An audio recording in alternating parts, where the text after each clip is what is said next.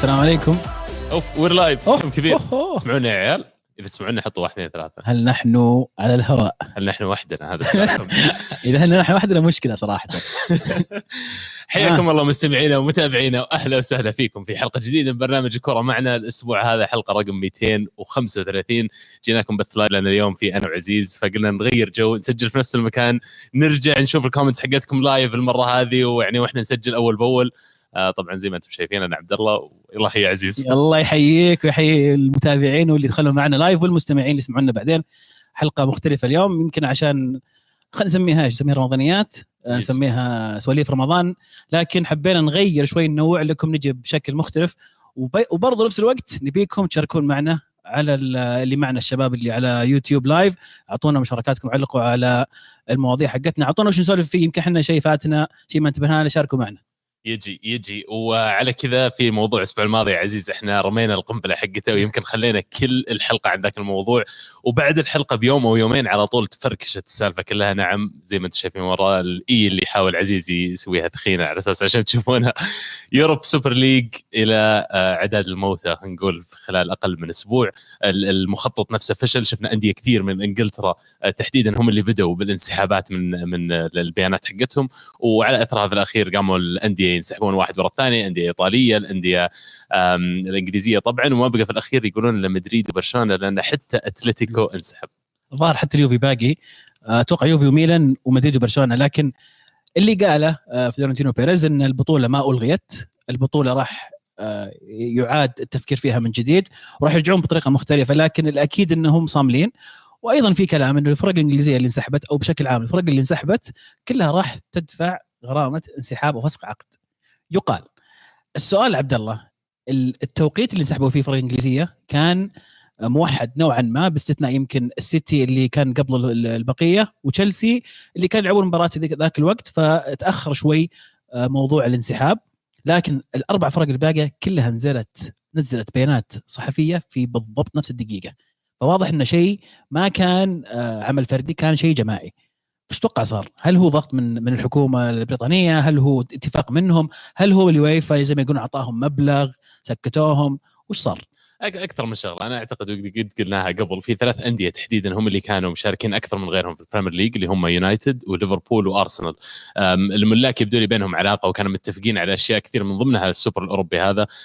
بعض الأندية الثانية خافوا انه يقوم السوبر وهم يصير ما لهم مقعد فيه وكانه فاتهم ال فاتتهم الفرصة إنه يشاركون في شيء زي كذا فما حبوا إنه يكونون يتركون خارج الموضوع. فأنا أعتقد إنه رجعوا على الأندية الإنجليزية من ناحية حكومة بريطانية من ناحية ال Premier League من ناحية ال FA ومنعوهم بطريقة أو بأخرى أنهم يدمرون ال Premier League لأن لو تفكر فيها منطقيا عزيز ال Premier League اليوم مو بعيد ترى من سالفة السوبر الأوروبي وتكلمنا عنها الحلقة الماضية لما قلنا كريستال بالاس مثلا مداخيله أعلى من ميلان ال Premier League كتوجه كدوري ما عندهم مشكلة الأندية الإنجليزية المفروض فيه لكن المشكلة كانت على المشاركات الأوروبية كانت بالنسبة للدوريات الإيطالية والإسبانية بشكل أكبر. فأنا أعتقد هذا الشيء اللي خلى نقطة ضعف في المسابقة هذه ويمكن ما أعطوا الإنجليز كفاية انه يخلون يعني على الرغم من العقوبات والضغط إنه راح نكمل فيه. أنا هذا سؤالي هل هو موضوع فقط إن الإنجليز ما جاهم كفاية ولا في شيء ثاني صار هذيك ال 48 ساعة غير توجهات الفرق الانجليزيه زي ما قلت عبد الله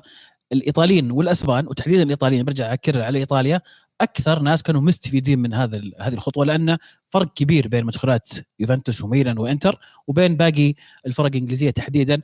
ال- ال- الفرق بدأ يكبر زيادة آه، صار أصعب لهم ينافسون الفرق الإنجليزية في ال Champions League أو حتى الإسبانية. فهم كانوا مستفيدين وهم أكبر خسرانين من انفصال أو توقف مشروع ال Super League عاد زي ما قلت ترى قبل شوي أنت عزيز أنا ما أعتقد إن هذه النهاية. ما أتوقع أن هذا لأنهم هونوا عن السوبر الأوروبي معناته أنه ما راح يصير مرة ثانية. هي ورقة ضغط في الأول والأخير وتوقيتها أنها طلعت قبل إعلان الإصلاحات المزعومة حقت يويفا بكم من يوم يدلني أكثر على هذا الشيء. يمكن شيء ما انتبهنا له الحلقة الماضية ذكرنا أن عندهم آه، website أو طلعوا سووا موقع ال Europa Super League لكن اللي بس يقعد دقيقة ولا دقيقتين على الموقع يستوعب انه ما في أي عمل تم في الموقع عرفت؟ هي صفحة مكتوب عليها Europe Super League وبعدين شعارات الأندية تتغير تحت. فيعني في شيء يقول لي كمان إن الفكرة ما كانت مقصود لها إنها أصلا تكمل إلى المدى اللي البطولة تقوم فيه وإنها يعني خلينا نقول خدمت الأهداف اللي كانوا يبغونها. عبد الله تقدر تقرأ ال- ال comments أنا بعيد عني ما أشوف. لا الخط صغير عندي بس بحاول. أنا ودي ودي أعرف آراء الناس لأن لاحظت خلال ال- يمكن 48 ساعة اللي صارت فيها الضجة أو حتى خلال الأسبوع الماضي في انقسام كبير من من المؤيدين والمعارضين. وكل واحد عنده أسبابه مختلفة.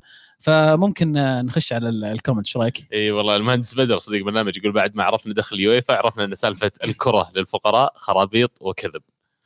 أتفق جدا. شوف زي ما قلت الحلقة الماضية هو صراع بين ناس أغنياء مرة وناس أغنياء مرة. آه والجميع يعرف إن اليويفا أو حتى الفيفا آه إنه يعني في فساد كبير في مبالغ كبيرة كان نسمع عنها في الماضي كانت يعني أشياء خرافية غريبة جدا. سمعنا عن بلاتر عن بلاتيني عن كل القضايا اللي صارت عليهم. لذلك ما حد أتوقع راح يصف مع الفيفا أو اليويفا ويقول إنه لا والله مساكين والكرة للفقراء والكلام هذا. لكن في نفس الوقت الأندية ال 12 كلها هدفها واضح. هدفها مكاسب مادية ضخمة جدا آه، مطالبات بجزء أكبر من الكيكة اللي قاعدة توزع على أندية ثانية في ال Champions League. هم بيشوفون إنهم أحق فيها.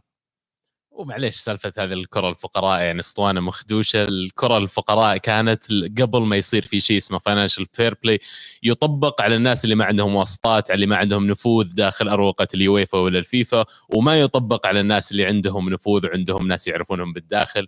آه الكورة كانت للفقراء قبل ما يصير ال requirement حق موضوع أو المتطلبات حق لما تحط شيء زي الفار على أرضية ملعبك يكلف عشرات الملايين. أندية كثير ما عندها القدرة عليها. الكورة كانت للفقراء من زمان قبل التسعينات قبل كرة القدم الجديدة هذه فيعني معليش يا يويفا ومعليش يا الفيفا رواتب فلكية تعطى لرؤساء الفيفا واليويفا والإداريين اللي موجودين فيها. وقلت في واحد من طلعت في بثنا قبل يومين على إنستغرام مع أحمد بن محفوظ آه، وله التحيه يعني. فتكلمنا فيه عن الموضوع شوي وموجود أعتقد التسجيل هذا لكن لما يجي فيفا ويويفا تلاقي عندهم مقعد على ال G 20 لما تجي تشوف رئيس الفيفا يجلس على الطاولة مع رئيس أمريكا ورئيس دول وغيره يعني تستوعب إن الموضوع ما عاد هو آه خلينا نقول آه لا, ما- لا ولا عاد هو خيري ولا عاد هو إنه مو بل- مو للربح يعني. ولما يجي كأس العالم يعطى لدولة ويدخل لها 100 مليار دولار على مدري كم سنة بشكل مباشر أو بشكل غير مباشر آه الموضوع إلا بيصير شوية سياسي فيه. فيعني فيفا وصل مرحلة الصراحة ويوفا انه تسلطوا بكثير جاروا. فعشان كذا أنا أشوف إن هذول ما دون الحلق إلا اليدين. آه، طبعا موضوع كرة القدم الفقراء أنا في وجهة نظري من زمان انتهى من يعني من سنين. أنا مؤمن بأن كرة القدم يمكن اخترعها أو بدأها أو كان يلعبها ويتحمس لها الفقراء نعم.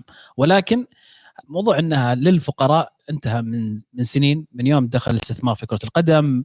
يعني من ما أتذكر صراحة تاريخ بالضبط لكن يمكن من بداية آه، الألفية والموضوع بدأ يتغير وصار فيه بزنس كبير. فالموضوع يعني ما عاد هو بعد. ما حد ما حد يقدر يقول اليوم إن الكرة موجهة فقط للفقراء ويلعبون فيها الفقراء. بالعكس اللعيبة أغنياء. اللي مستفزني عبد الله ال- ال- اللعيبة اللي يطلعوا بعد ما شفت التغييرات الأخيرة حقت Champions League كيف تغير Champions League وصار في مباريات أكثر. بيلعبون أكثر الفرق فطلعوا لعيبة يحتجون. يقول أنا يعني وش أنا بس اقعد ألعب كرة طول عمري يعني. أنا بالنسبة لي أحس إنها شوي دلع شوي آم، فيها يعني ما أدري أحس إنه يعني أحس لو أحد بيندفع له 200 آه، 200 ألف pound في الأسبوع مستعد يلعب كورة 10 مباريات زيادة في السنة مين مشكلة؟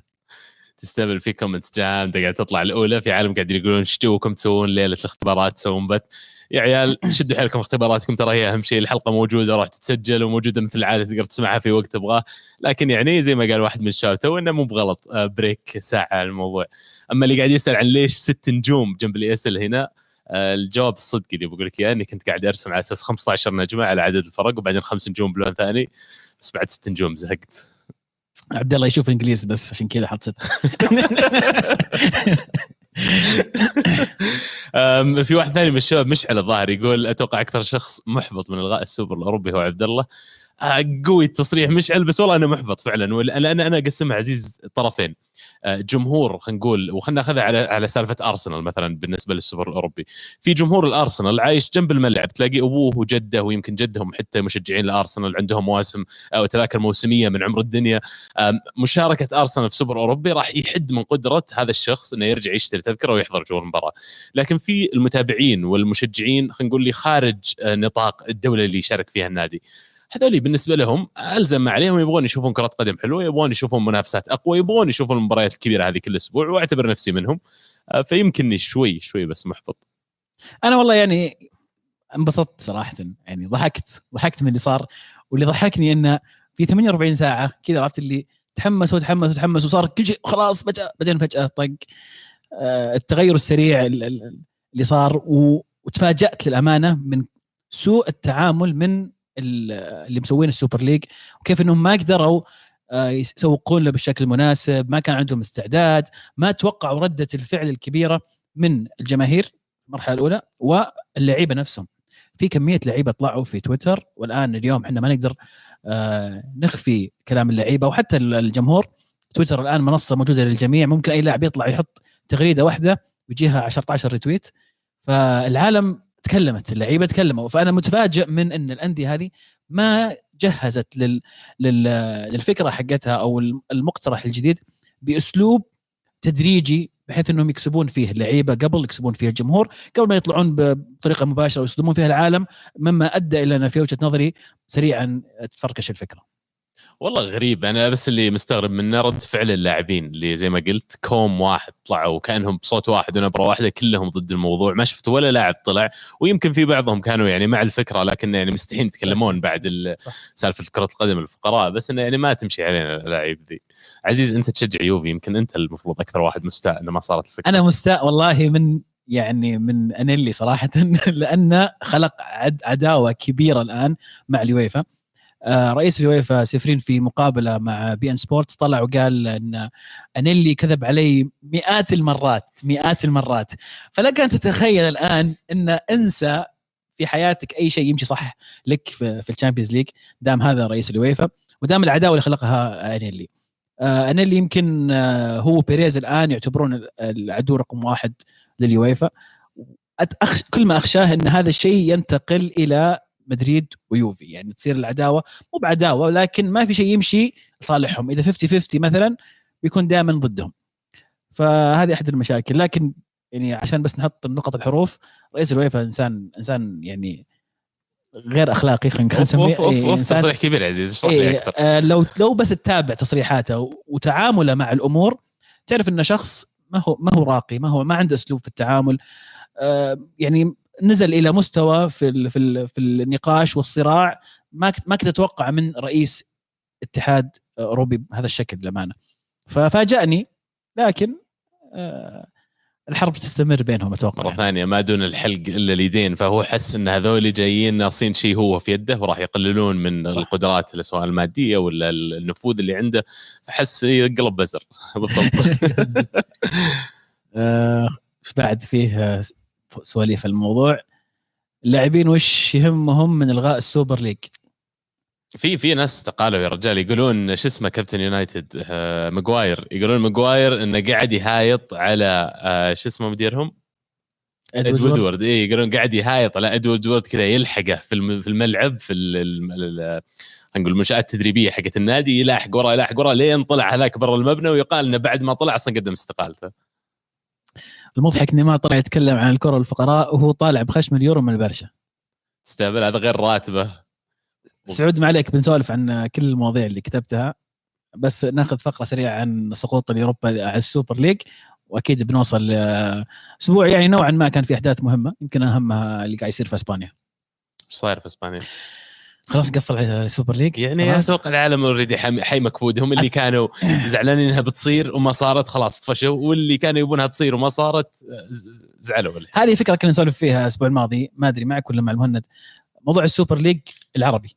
تخيل لو تاخذ أفضل فرق في الدوري السعودي أفضل فرق في في الدول الخليج مع آه، مثلا الأهلي المصري والزمالك آه، مع الترجي التونسي ونسوي Super League عربي.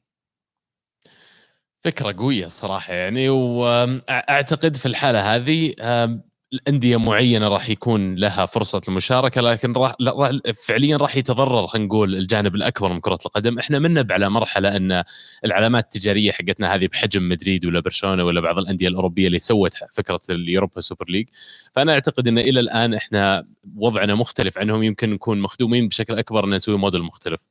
لكن يعني إذا بطولة أبطال العرب زي ما قالوا الشباب ما عندي ضدها إيش لكن في بطولات القارية موجودة already طيب آه نخش على ال mention. اعطينا من ال mention. مشعل يقول في رأيي ريال مدريد لم يخسر فقط معركة السوبر الأوروبي في اليويفا بل خسر مكانته كمدلل لل- لليويفا. القادم أسود لمدريد خصوصا اوروبيا سواء لعب نظيف أو تحكيم أو خصم نقاط.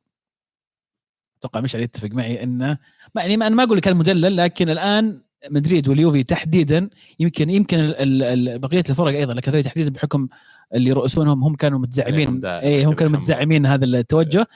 ما راح يمشي شيء صالحهم ابدا. لو في شيء زي ما قلت لكم 50 50 أتوقع بيروح دائما ضدهم. إيش عندنا بعد؟ محسن يقول حال الأندية 12 مضحك جدا بطولة تخطط لسنوات وبيومين تنتهي. هل ما فكروا أن السياسة تبي تد- تتدخل المفروض كل الأمور مفكرين فيها بس مع أول هجوم لرئيس الوزراء البريطاني والويفا انسحبوا أنا أتوقع في تدخل حكومي ما أدري صراحة من بريطانيا هين إيه. في تكلم عنها رئيس وزراء بريطانيا ترى طلع قال أنا. آه، بسوي قنبلة تشريعية كلام هذا ترجمه حرفية يعني بسوي قنبلة تشريعية إذا اضطريت على أساس إني أمنع الأندية الإنجليزية من المشاركة. وبعدين يعني بشكل عام اللي ما يعرف نظام الإنجليز في الأشياء هذه والموضوع يعني يمتد لاكثر من بس كرة القدم. حتى لو عندك عقار ولا حلال هناك في بريطانيا يدخلون معك في كل آلية. فمثلا تشتري قطعة أرض بتبني عليها عمارة فيها 100 شقة خلينا نقول بتبيعها يجيك المجلس البلدي ويجتمع والمجلس البلدي هم الجيران والناس اللي كذا حولك في المنطقة ويبدون يقررون ويخططون على أرضك وآخر شيء يرجعون يقولون لك طب اسمع ترى ما قررنا نسمح لك تبني 100 شقة تبني شيء عمارة فيها 25 شقة. طبعا أنت شريت الأرض الحين وتكبدت وخلاص يعني عندك عندك مشكلة. لكن نظام بريطانيا عندهم ال- الشيء هذا دائما المصلحة ال- الكبرى خلينا نقول حقت الجميع مقدمة على مصلحة الفرد وإن كان في حلالة. فعشان كذا ال- الإنجليز أو الأمريكان ما قدروا يسوون شيء. سعود يقول يا رجال رئيس الوزراء بريطانيا هدد بإلغاء فيز العمل للاعبين ومنعهم من دخول بريطانيا. قوية والله ما أدري والله تقولها. قوي مشخصن الموضوع واضح. عبد الرحمن طبعا يحس العالم يتمحور حول مدريد فيقول عزيز خلي مدريد في حالهم لو سمحت. آه، يا أبو سعود آه، إحنا نتكلم بشكل عام عن متزعم آه، العصابة هذول حقين 12 منهم رئيس مدريد منهم رئيس اليوفي نتكلم عن كل الفرق فيعني.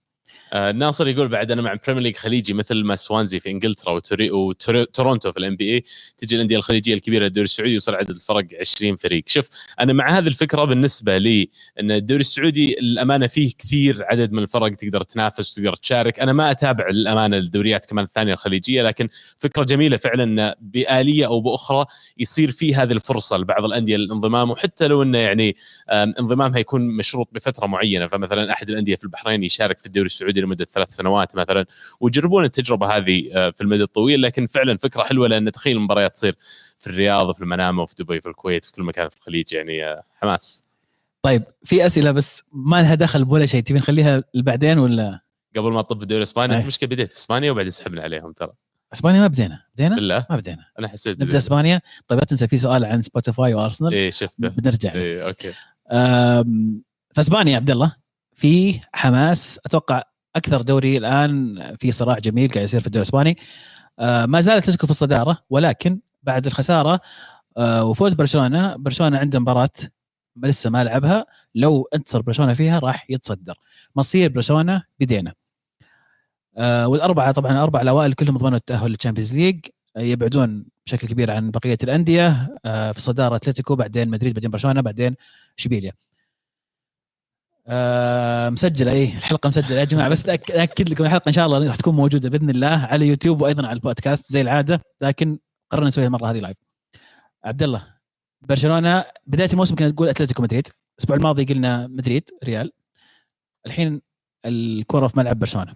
هم عندهم ال ال كل كل الأمال الآن عندهم يستطيعون إنهم يسرقون ال- الصدارة في المباراه المؤجله لهم. ولكن حط في بالك يوم 8 ماي في مباراة بين برشلونة وأتلتيكو مدريد في الكامب نو. وهي راح أتوقع تكون المصيرية اللي راح تنهي كل شيء. من ذا المباراة أتوقع هي أمل خلينا نقول الأمل الوحيد لأتلتيكو إذا يبغى يقعد في المنافسة. إيه، فأنت قاعد تقول إن أتلتي للحين زي ما برشلونة المواضيع في يده أتلتي لسه الكرة في ملعبه بعد. لأنه إذا فاز على برشلونة بيقدر يتصدر من جديد. صح بس لا لا تنسى إنه في مدريد. مدريد كم يبعد عنهم الحين. نفس نقاط آه يا ليل والله ذولي حاميه عندهم مرة. ومدريد ما بقت لهم مباريات مباشرة مع لا أتلتي ولا برشلونة؟ والله إني ما أدري بس تدري إيش حلو انه مسويين لايف الحلقة؟ على طول يقولون لك. لا برشلونة يعني من تالي بعد صحوة كبيرة من جريزمان وهو اللي قاعد يشيلهم الفترة الماضية. يعني يبدو لي إنه إلى الآن جريزمان خلينا نقول قاعد يثبت الاداره إنه آه، سووا صح يوم انهم صبروا عليه وحافظوا عليه كجزء من الفريق. ودائما قلنا إن جيبة جريزمان بالمبلغ هذا والعمر اللي هو فيه يخليه إنه ما راح يقدر خلينا نقول برشلونة يستغني عنه على طول. آه، بالعكس بيخلونه بيعطونه فرصة لأنه حتى كقيمة سوقية راح يظل يحتفظ فيها مو باللاعب عدى 30 سنة. وفي المقابل كمان إنك تروح الفياريال اللي واصل ال semi final ال Europa League مباراة ما هي بصعبة ما هي بسهلة sorry وتتأخر بجول وترجع تفوز يعني شخصية كبيرة من برشلونة قاعد يظهرها الفترة هذه اللي أقدر أقول لك انه خلال المباريات الجاية اللي بيفوز بالدوري أعتقد بيفوز بكل مباريات الباقية. أنت من رشحت بدايه الموسم؟ ما أتذكر تصدق. مدريد؟ ما أدري أنا أسألك. أنا عارف إني رشحت أتلتيكو. كان مره أكيد ما عبد الرحمن أدري انه رشح أتلتيكو. قال مو قال مو بأتلتيكو أول مرة. الظاهر كان يقول برشلونة أو مدريد ما أدري. بس أنت آه، الان الآن وش وش شايف؟ يعني في الأخير على المومنتم. مدريد ال- الحلو عندهم أتوقع إنه ما عاد يلعبون مباريات مباشرة زي ما يأكدون للشباب تو. فيعني آه، بالنسبة لهم ركز ثلاث مباريات ثلاث نقاط كل مباراة. مبارياتك قد لا تكون بالتعقيد حقت برشلونة ولا حقت أتلتيكو خصوصا إنه مرة ثانية ما في مواجهات مباشرة مع ال top فيعني ركز على طريقك وشوف شو يصير. الحلو في فرصة اتلتي وبرشلونة إنهم يلعبون ضد, بعض إن اللي يفوز فيهم في المباراة راح يكون عنده دفعة معنوية غير طبيعية يخلص الموسم بكل الانتصارات. وعبد رشح مدريد. ما شاء الله عليك ذاكر. أوكي أنا أقول لك أتوقع إن رشحت مدريد. مقتنع منهم لا مانع ياسر يقول دوري إسباني غريب. برشلونة عنده فرصة يحقق اللقب وهو جامع خمس نقاط من اصل 18 نقطة ضد ال top four أربع من إشبيليا نقطة واحدة من أتلتيكو. خوفي بعد هالحوسة كلها الدوري يروح للوبتيجي مع إن جدول إشبيليا الاصعب أحس شوي صعبة إشبيليا. أحس صعبة ولا؟ مو بداية الموسم كانوا مولعين. صدر الدوري فترة إذا ما كنت غلطان. يا هذا الموسم يا الموسم الماضي. شطحوا في الظاهر إن اشبيليا إلا شطحوا ومسكوا الصدارة فترة. فيعني في الأخير الدوري الإسباني عودنا انه بنهاية الموسم وأعتقد بدأ بالتقليد هذا في فالنسيا وبعدين الحين قاعدين نرجع في أتلتي خلال السنوات الماضية القليلة. انه يعني مو بمستحيلة كسره سطوة مدريد وبرشلونة على الدوري وممكن لو فريق يلعب صح. كم بين اشبيليا وبين الباقيين؟ نقطة. نقطة. واو. نقطة واحدة. واو. يبدو لي إن الآن الحين أغلب الناس يشوفون أقرب برشلونه بحكم المباراة المؤجلة. ولكن آه، الكرة متقلبة كثير. يعني ياما شفنا فرق يكون عنده آه، مباراة إضافية وتكون ضدهم ما يكون مصالحهم. عطاري إشبيليا. شفت إيش صار في مباراة إشبيليا وغرناطة؟ علمني. مباراة إشبيليا غرناطة كانت 2-1 لإشبيليا والحكم أعطى أربع دقائق إضافية كوقت بدل الضايع وقرر ينهي المباراة دقيقة 93 انتهت المباراة. احتجوا لعيبة طبعا غرناطة. دخلوا لعبة اشبيليا غرفه ملابس بدأوا يغيرون. خلاص يفسخون سمهم أنتم بكرامة. فجأة الحكم استوعب إنه باقي دقيقة. حكم فهي يوم انه إيه، لا ما أدري هو. مفهي هو هو يعني يعني ما أعرف. صراحة ما أقدر أشرح لك وش كان في مخه لكن استوعب بعد ما احتجوا إنه باقي دقيقة. إيه لأن القانون يقول مينيموم إيه. أربع دقائق. صحيح. أقل شيء أربع دقائق. يوم استوعب رجع لعبه اشبيليا المنظر المنظر اشبيليا راجعين غرفه الملابس ويلبسوا يظبطون الشرابات والجزم وأنتم بكرامه مضحك. نزلوا لعبوا دقيقة. كان فيها فرصة خطرة. واحدة ال- الغرناطة كان ممكن يجيبوا منها هدف. لكن آه، أتوقع يعني شيء نادر ما تشوفه في كرة القدم. ما له. حق يا أخي. أنا مو بعرف انه قانون إذا الحكم صفر صافره النهاية تنتهي المباراة خلاص. شفناها آه، مو شفناها في الدوري الإنجليزي رجع بعد ما صفر حط بلنتي. لا تقول لي الدوري الانجليزي هذول منسمين حكام ال Premier League هذول ما ما عليهم شرهة ومرفوع عنهم القلم كلهم أصلا وأنا فاقد الثقة يعني. حتى معلق المباراة صح؟ حتى المعلق راح. حتى المعلق يقول لك خلاص خلصنا المباراة يعني. لكن رجعهم. من من الأشياء اللي يعني أتوقع تستاهل تستاهل بصله صراحة. طيب أبو عابد إيش عندنا بعد؟ ريوتو يقول هذه السنة الليغا ينافس فيه أربع فرق بس ما حد يذكر هالشيء، شكلهم مشغولين في الدوري الأصعب في العالم اللي خلص من ثلاثة شهور. دقة لازم يدقون في ال Premier League شوف مضايقهم ال Premier League مع إنه ما له دخل بالموضوع ركزوا لي في الليغا أرجوكم الله يرضى علي عليك يا مصعب يعني بس محمد يرد علي يقول الدوري الأفضل عندك اثنين بنصف نهائي الأبطال. صح بس شكلهم بينكرشون بعد الحركة الأخيرة. وبعدين ما يهم كم واحد عندك المهم اللي يوصل ال final المهم من البطل. في الأخير يعني ال Premier League سواء معليش يعني حبيته ورضيته أم أبيتم سواء المنافسة هالموسم قوية ولا لا لكن كلنا وكل اللي يعرفون ال Premier League يعني يكاد يجزم إن الموسم الجاي ما حد بيعرف مين بيتصدر ما حد بيعرف إذا بيكون السباق قريب ما حد بيكون يعرف إذا واحد بيشطح الحالة. فهذا ال... هذا خلينا نقول النقطة حقت ال Premier League إنه ليش هو جذاب. أما بالنسبة لإسبانيا متى آخر مرة صار عندك على صراع الصدارة أربعة بالطريقة هذه؟ طيب آه، حمد يقول امحق ثورة. تخطيط سنين طويلة بدون ما تضمن لك صحفيين يساندونك. هذه قمة الغباء. البطولة لم يتم إلغائها بسبب قوة اليويفا القانونية لكن سبب الصحفيين والشخصيات الإعلامية. صحيح إنهم شك شكلوا بصمة عار راح تبقى على الملاك والمؤسسين اللي غالبا خسروا أكثر مما فازوا. بس حبيت أرجعك بس شوي ورا لأن القوة الناعمة لها دور. طيب ريوتو يقول بعد استيقاظ جريزمان أصبح يقود برشلونة للفوز والمنافسة. من المؤسف أن جماهير برشلونة لا تقدر ذلك لأسباب مجهولة. يبدو لي أنه بالعكس جريزمان التحركات اللي يسويها الآن بدأت تظهر. ما أدري وش وش السر الكبير لكن اللي أعرفه أن خروج سواريز أعطى حرية أكبر له أعطى يمكن ثقة إن الشخص اللي كان ينافسه على هذه الخانة اللي هو أبدع فيها مع أتلتيكو مدريد أصبحت الآن شاغرة موجودة له. آه، أيضا تحركات ميسي خلفه والكور اللي تصنع لجريزمان صراحة قاعد يرجع شوي من اللي عرفناه أيام أتلتيكو. ال finishing في المباراة هذه كان رائع من جريزمان صراحة. كيف يضرب الدفاع كيف ينفرد فجأة. الامانه ممتع ومبدع وفي وقت يحتاجه فعلا برشلونة. ضروري جدا هذا الوقت لأن زي ما قلنا عندهم مباراة مؤجلة ما بقي شيء على نهاية الموسم. ممكن هذا يكون آه، وجريزمان يكون هو السر إن برشلونة يفوز بالدوري. مو طبيعي اللاعب حتى في المباراة هذه بالنسبة لي كان أفضل من ميسي. صح إن ميسي يعني يمكن أنت تعامله ب أو يعني تقيسه بمقاييس مختلفة عن اللاعبين الثانيين لكن نجم المباراة بلا شك كان بالنسبة لي جريزمان اللي كان المفروض حتى هاتريك في المباراة هذه الأخيرة لكن سنجو هو اسمه سنجو أو سنيو يعني آه، ما خلاه يسجل هاتريك. فأنا أعتقد إن جريزمان لاعب فنان من أول أنا يعجبني اللاعب من قبل ما يروح برشلونة حتى فعلا كان ناقصه وجود هذا المهاجم اللي هو اللي يقدر يلعب معه. وسواريز كان يلعب هذا الدور مع ميسي فما كان في مسافة للاعب ثالث يلعب في الثلث الأخير من الملعب أنا أعتقد بالذات كمهاجم. آه، فالآن لما صار ما في الا هم الاثنين إلى حد ما اخر اثنين يلعبون في الملعب قدام في مساحة أكبر إن جريزمان يقدر يسوي شغلة. طيب بداحم خش علينا. يلا حيه بداحم تحية لك والله. عبد الله إيش رأيك في مباراة ضد فيا ريال وبما إني أرسلاني مثلك فيا ريال قدم مباراة جميلة للأمانة أمام برشلونة. كان مباراة ممتازة من فياريال لكن آه خلينا نقول النجاعه اللي عند برشلونة هي اللي كانت الحل في الأخير. استطاعوا إنهم يسرقون هذه الفوز في هذه المباراة. لكن مباراة ما هي بسهلة لأرسنال في شو اسم البطولة حقتكم؟ شو اسمه سويت نفسك تعرفني الحين. الله يا الدنيا لأنك تلعب عندنا بس أكثر من ال Champions السنة الجاية نكون فيها اصبر بس اصبر. والله مباراة صعبة. آخر مرة لعبنا ضد فيريال إذا ما كنت غلطان كانت في 2006 لما وصلنا لنهائي ال Champions League. لعبنا ضدهم كمان في ال semi-final لكن مو في البطولة. آه ويمكن عشان كذا أنا بعتبرهم فأل خير لكن وين الفريقين من ذاك اليوم عن اليوم؟ آه فريق فيريال هذا كان يلعب فيه ريكلمي فريق أرسنال هذا كان يلعب فيه تيري هنري. يحتاج يعني.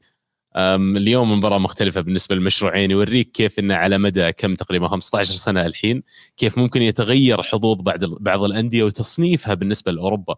ففيريال الفريق كان يوصل لل semi-final Champions League الآن لقى نفسه Europa League ونفس الشيء الأرسنال. طيب آه نقفل على الإسباني؟ لا يقول إيش؟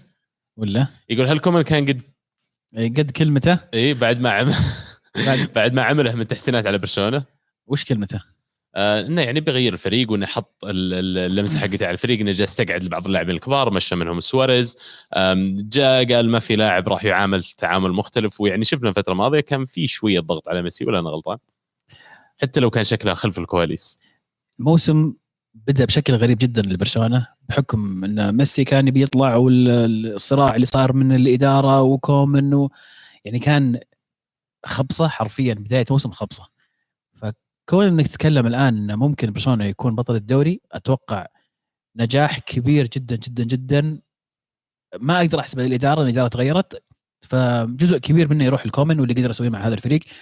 آه، ابرازه لمواهب جديدة وصغيرة في النادي اعتماده عليها بشكل كبير. جهز الفريق للمستقبل حتى مو بس الموسم هذا للمستقبل في أسماء ممتازة جاهزة للسنوات القادمة.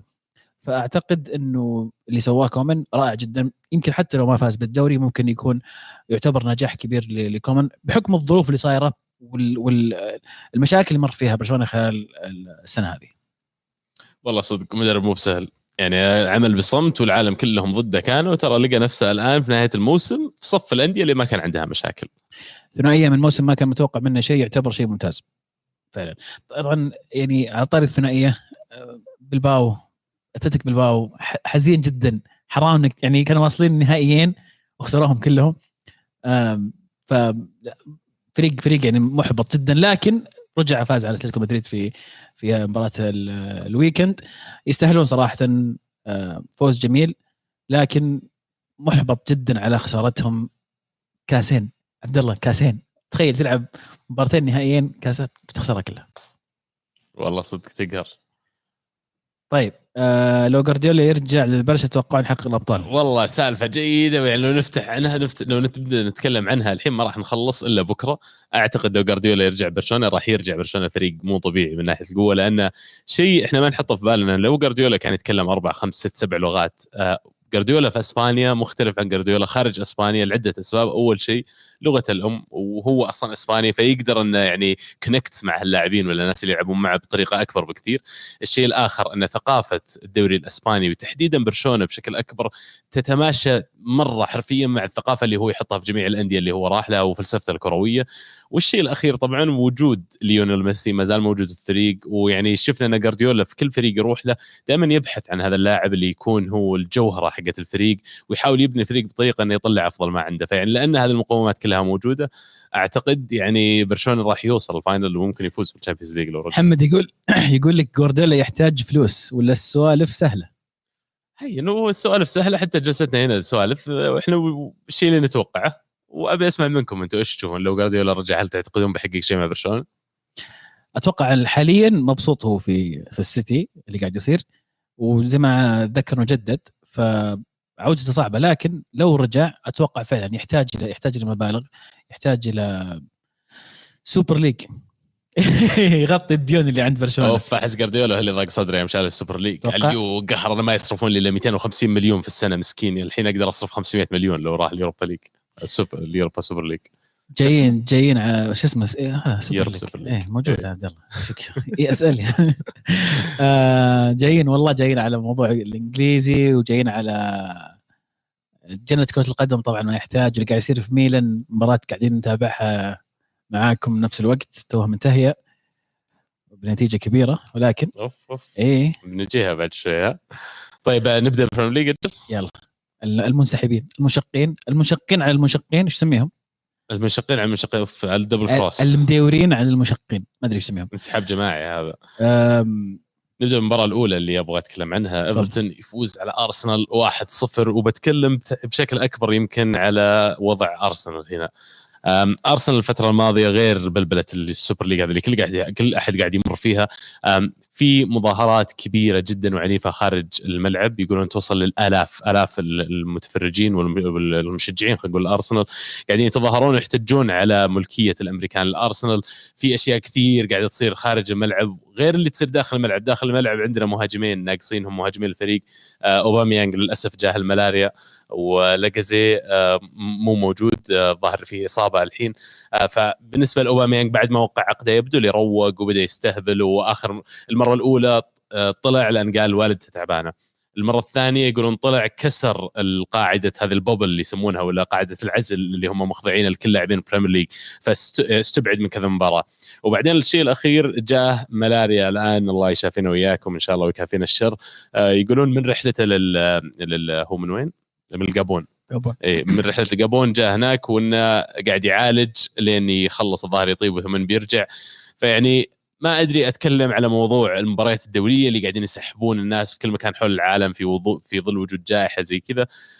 ولا أتكلم عن اللاعب اللي يبدو لي إنه قل اهتمامه أكثر قل اهتمامه شوي بعد ما وقع العقد الجديد.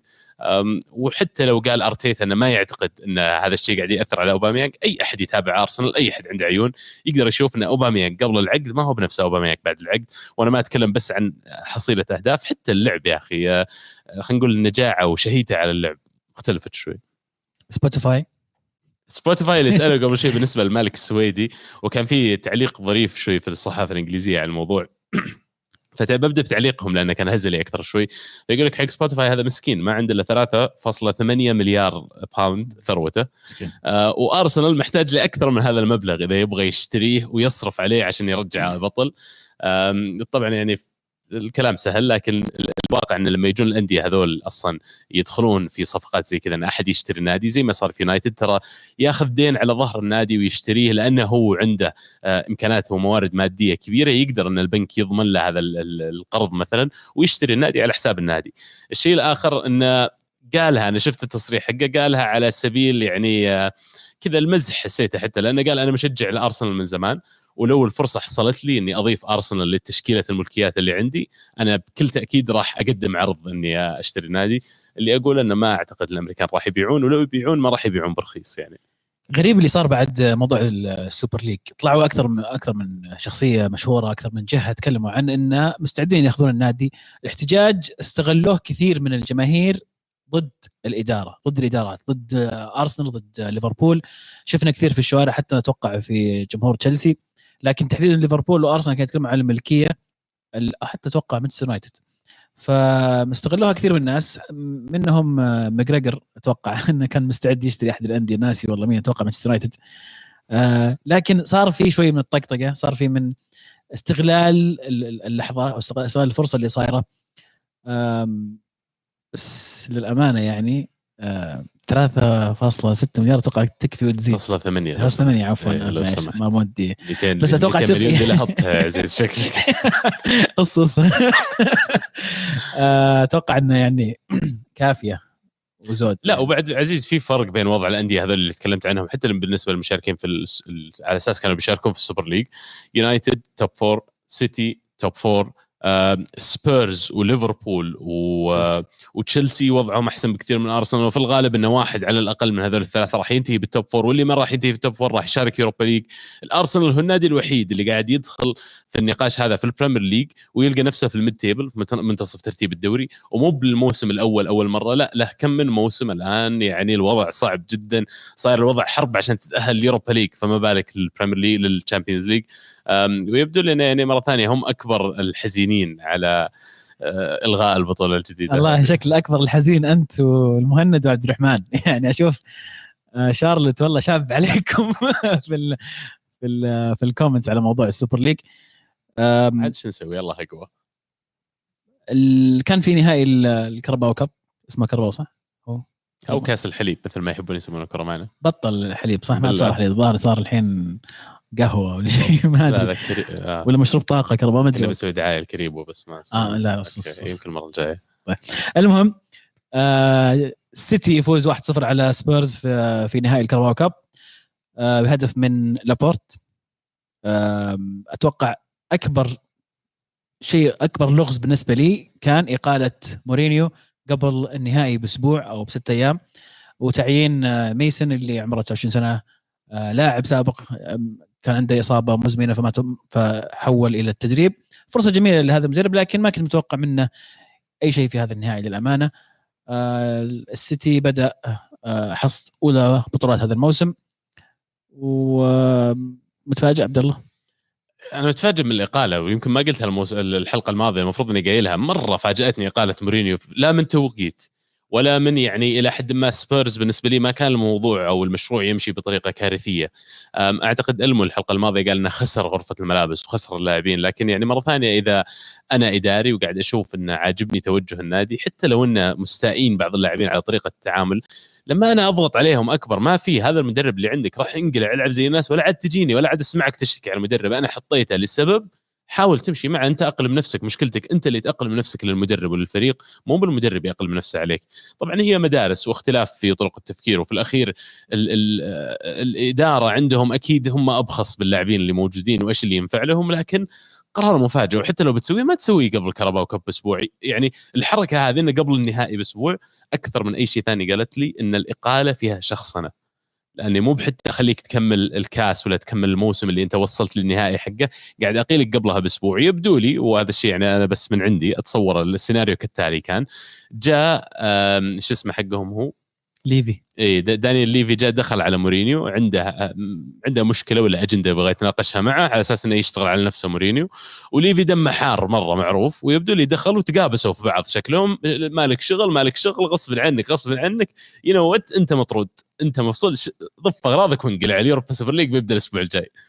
يقولون عادي يكلمه الحين يرسل يعني كان انفعاله لحظية أتوقع إن شيء صار فجأة قرروا إنه يقيله كيف عزيز تقيله وفي نهائي لازم يلعب بعد أسبوع وتحط زي ما قلت لاعب سابق واحد ما كمل 30 سنة وفوق هذا كله المدرب هذا نفسه هو اللي موصلك للنهائي يا أخي ذوقا ادبا إنك تخليه لين بعد البطولة. تعرفون إنه ما في أي محبة من عندي لمورينيو بس تعاطفت معه الامانه لأنه مو بصح إنك تتعامل مع حد زي صار. مسلسل كويتي يقول لك. آه هاري كين سون راضين ديلي آلي برضه راضي لكن الموضوع أكبر من غرفة ملابس. مشاركة من ال YouTube comments طبعا راح نقرأ أيضا من الهاشتاج اللي سأل آه، أو عفوا من ال mention حق تويتر. وجود مورينيو من عدمه ما بيأثر على كون توتنهام إن يحقق البطولة. الله أكبر الداهي اللي انقال عاد. آه طيب. هاري كين عبد الله آم، موسم ورا موسم آه، يثبت نفسه من جديد. أتوقع ما حد يشك في قدرات هاري كين وإنه من أفضل المهاجمين الموجودين يمكن في الساحة الآن في كرة القدم. إلى متى يقعد في توتنهام؟ وزي ما ذكر أحد الأخوان في في ال comments هل هاري كين قاعد يظلم نفسه الآن ببقائه في في توتنهام؟ وما راح أتكلم عن هاري كين فقط الموضوع يمتد إلى سون. سون أتوقع اليوم ممكن يشارك في أغلب فر- الفرق وأسلوبه يناسب أغلب الفرق. فهل حان الوقت انه يطلعون يبحثون عن فريق آخر يستطيع انه يجيب لهم بطولات؟ نايف يقول هاري كين بيروح أرسنال لحصد البطولات. والله يعني آه، قصر حظه يوم إنه مو في ارسنال لأنه يعني للأمانة يمكن يزعل كلام كلامي ناس كثير. هاري كين وسون أنا ما أعتقد إن حجمهم أكبر من سبيرز. يعني ترى هاري حتى كين هاري كين؟ حتى هاري كين. ترى أذكرك شو اسمه اللي كان في نيوكاسل وراح ليفربول وبعدين راح ويست هام أندي كارول. ترى أندي كارول يعني على وقته على الأقل يمكن ما استمر بنفس الاستمرارية حقت هاري كين لكن ما لقى له كمان استقرار وفريق قوي مثل سبيرز إنه يبتل يلعب فيه. فيعني بالنسبة لي كين مكانه مناسب في سبيرز قاعدين يدلعونه هو اللاعب رقم واحد في الفريق النجم الأول الفريق قاعد يعطونه أعلى عقد في الفريق. يعني أشوف إنه صعب إنك تلقى له مكان ثاني. يقولون يونايتد وطبعا يونايتد ما عندهم مشكلة زي ما شفنا يروح يطق لك يبيع بوجبا ببلاش ثم يرجع يشتريه ب 100 مليون ثم يرجع الحين بيطلع منه ببلاش أو بيبيعونه ما أدري إيش بيسوون فيه بس إنه يعني أندية ما عندها مشكلة تاخذ هذا النوع من المخاطرة لكن لما تجي تقول لي على أندية ما تحب المخاطرة الكبيرة الغير مدروسة هاري كين ما أعتقد إنه خيار متاح بالنسبة للجميع. أختلف معك تماما في هذه الناحية. أنا أشوف إن هاري كين حرام بقائه في في سبيرز. يمكن يمكن اذا طلع هاري كين يقعد سون ويكون هو النجم الأول للفريق أتفهم. لكن اثنينهم يستطيعون يلعبون في مكان ثاني اثنينهم يستحقون يكون في فريق يحقق بطولات. هاري كين تحديدا أشوف حان الوقت إنه خلاص يطلع. أم، وين تودي؟ هاري كين للأسف أحس إنه هو يبي يقعد في إنجلترا أو يمكن يخشى التحدي الجديد إنه يغادر ويروح يلعب في أحد الدوريات الثانية. أشوفه مناسب للسيتي جدا أشوفه مناسب لليونايتد. آه، يمكن يمكن حتى ليفربول إذا استغنوا عن طريقتهم في اللعب. وأشوفه أيضا في مدريد. ريال مدريد مناسب جدا هاري كين ما ينفع. أنا أحس برا ال Premier League ما ينفع. الشيء الأول في ليفربول برضه ما ينفع. في نقص في المهاجمين. هاري كين لاعب أي فريق يستفيد منه. وفعلا حرام يجلس توتنهام. آه عبد الله يوم عن يوم تصدمني. هاري كين نفس فان بيرسي. لو طلع من سبيرز يحقق أقل شيء أكثر من بطولة. لو سمحت لا تذكر هذول اللاعبين في نفس الجملة. ولو كان فان بيرسي الخاين لكن يا أخي من أفضل المهاجمين اللي قد شفتهم يلعبون. هاري كين يعني إلى الآن ما حقق شيء. أنت ما حققت شيء هاري كين. يعني آه سعودي يقول بسط الأسبوع هديه لابو عابد بخصوص رايه عن كي- كين وسون. من الحين يعني أنا قايل لكم بستفزكم يعني بكلامي بس طبعا وجهة نظري يا أخي. أنا أحس كين وسن وتبون تشوفون إن شاء الله إن الله أعطانا وياكم عمر شفناهم يطلعون راح تشوفون إن كين يعني مو على كل حال راح يكون بنفس ال trajectory ولا بنفس خلينا نقول التوجه للعالم متوقعين إنه راح يصير واحد من أفضل المهاجمين في العالم لو طلع بس مسك له في فريق ينافس على الدوري ويلعب في ال Champions League. آه، لأنه يعني يشط بقرة زي ما يسمونه. برضو عزيز يقول عبد الله تكفى أفضل مساهم بالأهداف بأفضل دوري على قولتك. كيف تقلل منه؟ أرقام أرقام يا صاحبي قلت لك في سبيرز الوضع مناسب جدا بالنسبة له هو اللي يشوت كل البلنتيات هم إيش فيك أنا خل- كمل كمل بس بعطيك break بعد إيه، خلاص بس يعني- بروق هو اللي شوف راح شوي. هو اللي آه، هو اللي مبني system الفريق كله. عليه سبيرز أول ما تفكر بسبيرز ال poster boy حقهم ولا النجم الأول للفريق والأوحد هو هاري كين فطبيعي بتكون الأرقام حقته عالية. وسبيرز يعني على مدى خلينا نقول الثمان مواسم الماضية ترى إلى حد كبير قاعد يلعب كرة قدم مفتوحة. ما هو بيلعب كرة قدم دفاعية إلا في الفترة الماضية لما جاهم آه، مورينيو فيعني حتى لما يلعبون دفاع يلعبون على المرتدة هاري كين يخدم هذا الأسلوب. ما أدري. أنا هذا اللي أشوفه الصراحة. شباب خفوا على يا بعض. عمي وين اللي. وين اللي يفكرون كين زبال بعد؟ يكتبوا في الشات ما, ما في أحد. تشوف إنه كينزا ما يعني ما أدري حسين الحين مو لا. بزبال بس يعني إنه مو بالمستوى اللي الناس يتكلمون عنه. يعني خليني أقول لك هذا. ما أحط كين مع صفة سواريز مثلا.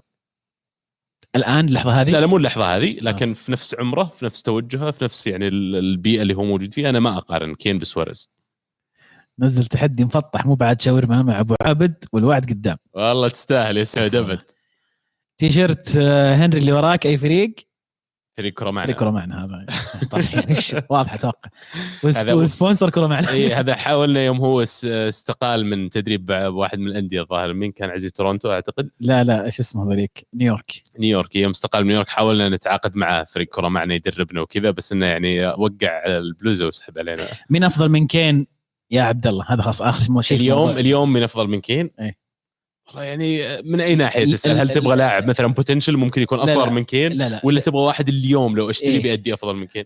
yes الثانية ليفندوفسكي أفضل من كين yes حلو وهذا اللي بيزعلهم مرة كريم. بنزيما أفضل من كين سواريز إلى اليوم أنا بالنسبة لي أفضل من كين آه جريزمان لو كمل على اللي قاعد يسويه أفضل من كين اسامي كثير يعني تجي على البال افضل بالنسبة لي أفضل من كين يا أخي وأنا حر في وجهة نظري يعني حلو. هالاند طبعا إيه. قفل الموضوع؟ أوباميانج لو إنه مو مصاب كان قلت أوباميانج لوكاكو لوكاكو. لوكاكو أنت في الدوري الايطالي أنت قول لي. لا لا تقلبها علي. آه صح مبابي أفضل من كين. آه لسه طول ترى يعني. صحيح. وش عندنا بعد في إنجلترا؟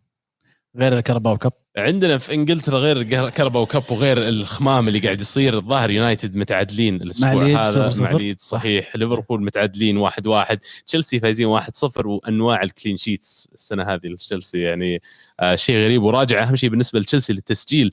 آه فيرنر اللي يعني من بداية الموسم ويبدو لي قاعدين يحلون معضلة فيرنر وش اسمه المأخوذ الثاني؟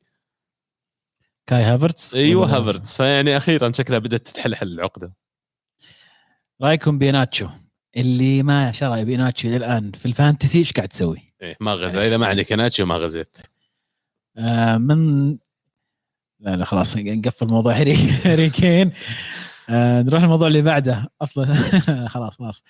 طيب آم ال Premier League هذا اللي أقول لك اللي صار. انديه قاعدة صراحة تتقلب الدوري أو أسبوع مأساوي بالنسبة للمدراء ال fantasy اللي عنده يعني خيارات شاطحة.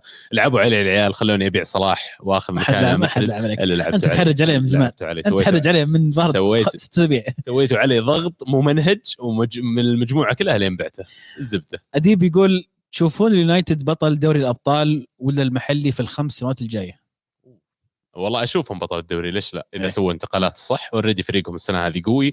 راشفورد وجرينوود يبدو لي يعني هم مع فرنانديز أم، بالنسبة للاربع خمس سنوات القادمة يونايتد عنده فريق يخوف قدام. يبغى له بس إضافات بسيطة الفريق وحتى الإضافات المفروض إن يونايتد يسوون نفس حركة ليفربول في تحديد اللاعب المعين اللي هم يبغونه ويصبرون قدروا يجيبونه ذا الصيف ممتاز ما قدروا يصبرون عليه. خانته موجودة يبنون الفريق والخانة هذه موجودة تنتظر هذا اللاعب يجي. وكلنا نعرف إن الإمكانيات المادية حقت مانشستر يونايتد ما راح تمنع يتعاقد مع أي أحد يبغاه. طيب. ليفربول آه تعثر ولا؟ ليفربول تعادل ضد ليدز. لا. مو ليدز. sorry ضد يونايتد ضد ليدز. إيه، خلينا نختبر معلوماتك. إيه، إيه. مو معلومات ذاكرة. ليفربول ليفربول ليفربول مع وست لا مو وست هام وست هام تشيلسي. ليفربول لعبوا مباراة في آخر دقيقة جاء عليهم هدف ألغاه الفار ثم جاء عليهم هدف التعادل. أوف. صدق ما شفت. ما لا نيوكاسل. نيوكاسل. آه شوف عطوا الشاب. أسرع. عارفين الشباب إيه. مصعب بعد ما يحتاج. آه غريب المباراة صراحة. جاء هدف آه وألغاه الفار هدف لويلسون اللي عاد من إصابة الآن لكن ألغاه الحكم بعدين رجعوا. أنت خلاص أنت كفريق فايز 1-0 في آخر الدقائق. جاء عليك هدف وأنقذك الفار وألغاه. قفل. قاعد تسوي؟ خلاص انهي المباراه. لكن ما استطاعوا يقفلون. وجاء هدف التعادل نيوكاسل. أتوقع انه صعب كثير على مو صعب لكن حط موضوع تأهل ليفربول إلى الشامبيونز ليج في خطر كبير. كانت المفروض هذه ثلاث نقاط سهلة أمام فريق زي نيوكاسل. نيوكاسل مو فريق سهل لا معلش بالذات المباريات الكبيرة يعني صح إن بعض المباريات يخق فيها نيوكاسل لكن لما يجيك مود جيم يلعبون ذاك اليوم موجودين كلهم available ال 11 الأساسيين فريق قوي ترى فريق مو بسيط. وليفربول إلى الآن يبدو لي أكبر المتضررين في أوروبا وقد يكون في العالم حتى من غياب الجمهور. صارت حديقة. الانفيلد صار حديقة. على طاري الجماهير مباراة النهائي الكرباو كاب كان فيها جمهور. كانت شعور غريب. اللي شاف المباراة يقول يستوعب ان صوت الجمهور الحقيقي غير اللي كانوا يشغلون الاستهبال الفقش اللي يشغلون المباريات. 4000 شخص حاضرين 4000 شخص لكن كان معطي المباراه جو. اشتقنا فعلا لحضور الجمهور في الملعب وأصواتهم. والتشجيع إن شاء الله آه، مع الأيام تعود الأمور إلى طبيعتها و- سعود. قبل شوي كاتب في كمان عطنا تحديث على دوري الكرة معنا حق الفانتسي draft. أبشرك محدثك أنا عبد الله في المركز الأول. بيني وبين المركز الثاني 110 نقاط. دوري سهل اللي أحب أقوله. يعني ما أوجه بالنسبة لي أي تحدي السنة هذه وإن شاء الله يعني بشوف آلية السنة القادمة كيف أقدر أصير في شفافية أكبر إنكم تجون تقدرون تشوفون المزبلة اللي يسوونها بعض الشباب يعني. وفي طريقة إن عبد الله كيفك في العادي؟ طيب خليك هذا مو موضوعنا خليك في. العادي. اللي إحنا. مشاركين في دوري مع الشباب. صح هذا يشوفونه كلهم ما يحتاجوا إني أحدثهم عليه اودي أعرف انت بس في ال100 وفي ال200 ما 300 الصراحة تقريبا ما يعني حولها يمكن مجموعة الثلاثة مع بعض. طيب. ما يذكر الفانتسي اللي تصدر. ترى يتكلم عن دوري في ست أشخاص ودوري ال draft. ومع كذا فرق وفرق الثاني 110 نقاط. دوري. ال draft اللي يعني مو بكل أحد ياخذ نفس اللاعب لازم كل لاعب يكون عند شخص واحد فقط. واصطفت معه كان عنده صن بداية الموسم وداعس صن. لكن الكلام وين؟ في الدوري الفانتسي الصدقي. عطنا عطنا كم نقاط قد ما أدري كم نقاط الصراحة. آه، أنا ما أقدر أجيبها ترى. ما أنا ما راح انحدر كل اللي يقدر يجيبها لو سمحت هذه طيب. لكن عشان نختم موضوع الدوري الإنجليزي الآن الجميع لعب تقريبا 33 مباراة. آه، السيتي طبعا 77 باقي له ست نقاط فوزين وي- وينهي ينهي البطولة. الثاني يونايتد 67 ليستر الثالث 62 تشيلسي 58 في الرابع ويست هام 55 ليفربول 54 توتنهام 53 إيفرتون 52 عندهم مباراة مؤجلة. حدثني عن المنافسة يا أخي. حدثني عن المنافسة. بس؟ الأول الأول الأول كل أحد يعرف قاعدة في ال- الإحصاء والستاتستكس لما تجي تاخذ الإحصائيات أعلى واحد وأقل واحد تستثنيه من الدراسة وبعدين تدرس الباقيين. صحيح. يعني أنا بالنسبة لي المنافسة ما تحتدم أكثر من كذا. دوري الإحصاء. إيه. تسميه. أنت مقتنع أهم شيء يا أبو عابد هذا أهم شيء. آه طيب. نوصل آه باقي شيء في إنجلترا ولا والله خارج إنجلترا. آه نايف سأل سؤال حلو يقول توقعاتكم لنصف نهائي دوري الأبطال. طبعا نتكلم إنه لو ما صار في أي تبعات لموضوع السوبر ال- الأوروبي أو يوروب سوبر ليج ويعني كمل الموضوع كال- كالطبيعي. بأخذها واحدة واحدة. آه تشيلسي مدريد صح؟ تشيلسي مدريد. تشيلسي اقالوا مدربهم. متى؟ لامبارد إيه. نصف الموسم. إيه. وبعدين الآن مدرب جديد. حلو. آخر مرة صارت إذا ما كنت غلطان فازوا بالشامبيونز اخر آخر مو بس كذا آخر كم مرة صارت لفريق مو غير تشيلسي حتى يفوز بالشامبيونز مدريد كمان صارت له مع زيدان. أوكي. فيعني ما تشوف شوف. pattern يعني؟ إيه، أنا ما أشوف إن هذا هو السبب اللي بيخلي تشيلسي يفوز بالشامبيونز ليج ولكن اللي قاعد يسويه توخل مع تشيلسي للأمانة خرافي. آه الأداء اللي قاعد يسويه تشيلسي ال clean sheets تكلمت عنها عبد الله آم، في تحس إنه في صار في أسلوب جميل يلعب فيه تشيلسي وتوخل وصل للنهائي من قبل يعني ما هو ما هو بشيء جديد عليه. لكن لا تنسى انهم يقابلون ريال مدريد. مدريد اي مدريد في ظل اللي سواه بيريز الحين هل الضغط عليهم مو طبيعي؟ حتى على اللاعبين؟ هل زاد عليهم الضغط؟ يبدو لي إنه ما أثر عليهم لأن حتى مثلا زيدان في المؤتمر الصحفي لما سألوه عن الموضوع كان رد إنه أنا ما يدخل في الموضوع أنا أتكلم عن الكورة. هذا موضوع ما يعنيني.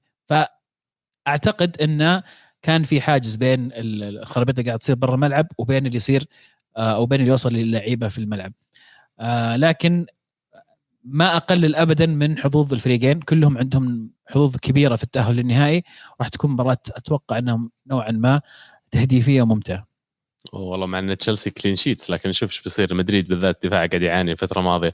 آه الجانب الآخر من ال semi final السيتي راح يلعب مع باريس. السيتي وباريس. صراع الأموال؟ يسميه. قوية والله. باريس اللي وصل نهائي السنة الماضية. صحيح. باريس اللي عنده مبابي ونيمار. إي باريس اللي عنده آه شو يسمونه الإيطالي الصغير اللي في النص. فيراتي؟ فيراتي اللي قاعد يتفجر الموسم هذا. ما ما أحس فيراتي هو اللي يعني مهم جدا لكن ما أحس إنه أهم لعيبة. يعني من جد ما تحطه في التوب 3 ما تصفه بعد هذول الاثنين اللي تكلمنا عنهم؟ مبابي ونيمار. ما أدري صراحة. أنا بالنسبة لي قد يكون الموسم هذا بعد حتى أهم من نيمار. أهم من ماركينوس؟ يعني بالنسبة لي هو يمكن يكاد يكون ثاني لاعب على تشكيلة بعد. مبابي. أهم من هذول كلهم بالنسبة لي لأن مبابي أنا بعد عاطفي أحب اللاعب. يعني بيوصل 30 أي صغير يقول لك. صدق مين هو؟ هو آه. بالله وصل 30 يا عيال. أنا أتذكر طالع من عمره 18 من 19 الله الدنيا حتى إحنا كبرنا. وش عنوان الحلقة بالله. أعطونا عنوان الحلقة نفس ممتاز بعد وفعلا مهم يعني لكن لما أنا أتكلم كأهمية ما في أحد يجي يملا لي الثغره اللي قاعد يملاها شو سميتها مرة ثانية؟ فيراتي ما أدري إيش فيك. ما راح يملأ أحد الثغرة حقت فيراتي بسهولة. لاعب مش طبيعي قاعد يشيلهم شيل في الشامبيونز ليج السنة هذه. وجود لاعب أصلا ديناميكي كذا في الوسط صعب إنك تحكمه. مره مرة مهم في تركيبة ولا الفورمولا حق الفريق يفوز بال Champions League. أه، وأعتقد هو اللي بيكون مفتاح PSG في مباراة السيتي تحديدا. لأن لما يكون الضغط عالي على الدفاع وهذا السيتي دائما يلعبون بطريقة ضغط عالي وجود لاعب زيه هو اللي يقدر يرفع رأسه يوزع الكرة بسرعة يقدر يضغط على اللاعب ويقطع الكرة ويمشيها من جديد يبدأ هجمة مرتدة هو اللي أنا باعتقادي بيفك شفرة جارديولا وسجلوها عندكم وتذكروا إن شاء الله المباراة. آه، هل نفس غير مقدر لأنه مو أشقر عيونه مو خضر؟ أو زرق؟ صبغ شعره صار أشقر الظاهر الفترة الأخيرة. فقاعد أتوقع الحين بدنا ننتبه له. أوه في عندهم حارس كويس ترى تونا ننتبه له. طب من ترشح عبد الله؟ أنت قاعد توجه الأسئلة فما السيتي طبعا كثير يقولون إن السيتي الفترة الماضية ما هو السيتي اللي شفناه بداية الموسم لكن حطوا في بالكم إن جوارديولا قاعد يسوي ال- الرولات حقته قاعد يغير كثير في اللعيبة قاعد يجهز الفريق لمباراة نصف نهائي أمام PSG. يعني حتى ال- التشكيلة نزل فيها في النهائي كاراباو ما كانت التشكيلة اللي أتوقع تكون هي اللي نفسها راح تكون مباراة PSG. أنا أتوقع باريس ومدريد النهائي ما راح. يوصل ولا فريق إنجليزي وأتوقع باريس بيفوز فيها السنة هذه. أقوى فريق بالنسبة لي. عندك أي إضافة أسباب ليش؟ وش ال يعني آه، مطلعوا بايرن. إيه. طيب ما يكفي. okay تشوف اللي يطلع بايرن بيطلع كل فرق يعني مو بيطلع كل الفرق لكن إذا كان أحد عنده شكوك على ال quality ولا النوعية اللي موجودة عند باريس المفروض بعد مباريات بايرن مباراة ذهاب وإياب بعد ما هي بس 90 دقيقة زالت الشكوك هذه. يعني فريق ترى فريق مستحيل. بايرن اللي كنا نظن كلنا إنه ما في فريق يقدر يطلعه جاء باريس ومو بس طلع سجل عليهم أهداف كثير سواء ذهاب ولا إياب. يعني هجومهم مرة قوي. بترجع تلعب ضد مين؟ ضد سيتي؟ بالله سيتي clean sheet ولا حتى مدريد إذا جاء النهائي بيلعب clean sheet الحالة الوحيدة اللي باريس كان ممكن يطلع أنا أعتقد كان فيها لو قابل تشيلسي. لكن يعني آه، شاءت الأقدار كذا. طبعا مبابي خرج في المباراة الأخيرة مصاب لكن يقال إنها إصابة بسيطة. آه، متوقع انه يكون متواجد في هذه المباراة. أتوقع حتى لو يغزون مسكنات أهم شيء يلعب مبابي. إذا فاز باريس بالأبطال هل بنقول لمبابي مبروك The Best أتوقع. أتوقع فوزهم بالأبطال. خلاص ما في. شوف باقي ثلاث مباريات في ال Champions League وباقي مباريات من هنا لين نهايه الموسم. أعتقد ال- اللي من ثنائي باريس راح يبدع أكثر في المباريات هذه وراح يسجل أكبر عدد من الأهداف هو اللي بيكون أقرب. إذا فاز باريس أعتقد المفروض يفوز فيها واحد منهم لكن يعني لا تستبعد نيمار حتى لأنه قيمة تسويقية. إذا باريس فازوا فيها وسجل لك نيمار مثلا خمس أهداف على الثلاث مباريات الجاية لا تستبعد يحطونه في ال- الصورة. جميل. نصل إلى جنة كرة القدم الدوري الإيطالي. نتكلم عن آه انتر يحقق الفوز 1-0 ويستمر في الصدارة ويبدو لي الموضوع آه مجرد وقت فقط بالنسبة للانتر تحقيقهم للدوري الإيطالي. الصراع والمنافسة صايرة من من الثاني ونازل عندك خلني عشان أجيب لكم ارقام بالضبط لكن عندك ال- اليوفي وميلان وأتلانتا ولاتسيو كلهم ونابولي أيضا كلهم في صراع المركز الث- ال- الثاني والثالث والرابع حتى الخامس والسادس. ما في ولا مركز مضمون. حتى ميلان بالذات بعد خسارته اليوم أمام لاتسيو بثلاث أهداف مقابل لا شيء نزل مباشرة إلى المركز الخامس وصار تأهل لل Champions League. آه، غير مؤكد وفي أسئلة عن ماذا يحدث للميلان لكن خليني أعطيكم النقاط. إنتر 79 نقطة أتلانتا الثاني ب 68 نابولي الثالث 66 يوفي الرابع 66 ميلان الخامس 66 لاتسيو السادس ب 61 نقطة. يمكن لاتسيو شوي بعيد عنهم فرق خمس نقاط لكن نابولي يوفي ميلان نفس رصيد النقاط. هل نشوف آه، الموسم القادم Champions League بدون يوفي؟ خلينا نبدأ باليوفي أول شيء. كم مباراة باقي؟ الآن 33 مباراة لعبت باقي خمس مباريات. خمس مباريات. والله يعني ما بقي كثير ترى خلاص يعني وصلنا الشوط الأخير زي ما يقولون.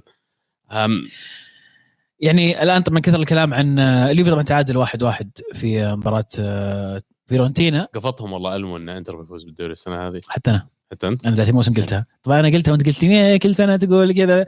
المرة هذه زبطت معي. إيه، بس المو جاء ذكر بقوه من أول موسم ما فيها كلام إنتر راح يفوز بالدوري السنة يعني أنا والله من من تم تعيين بيرلو كنت أتوقع الشيء هذا. والآن ال الهدوء اللي صاير في اليوفي آه، شوي مخيف.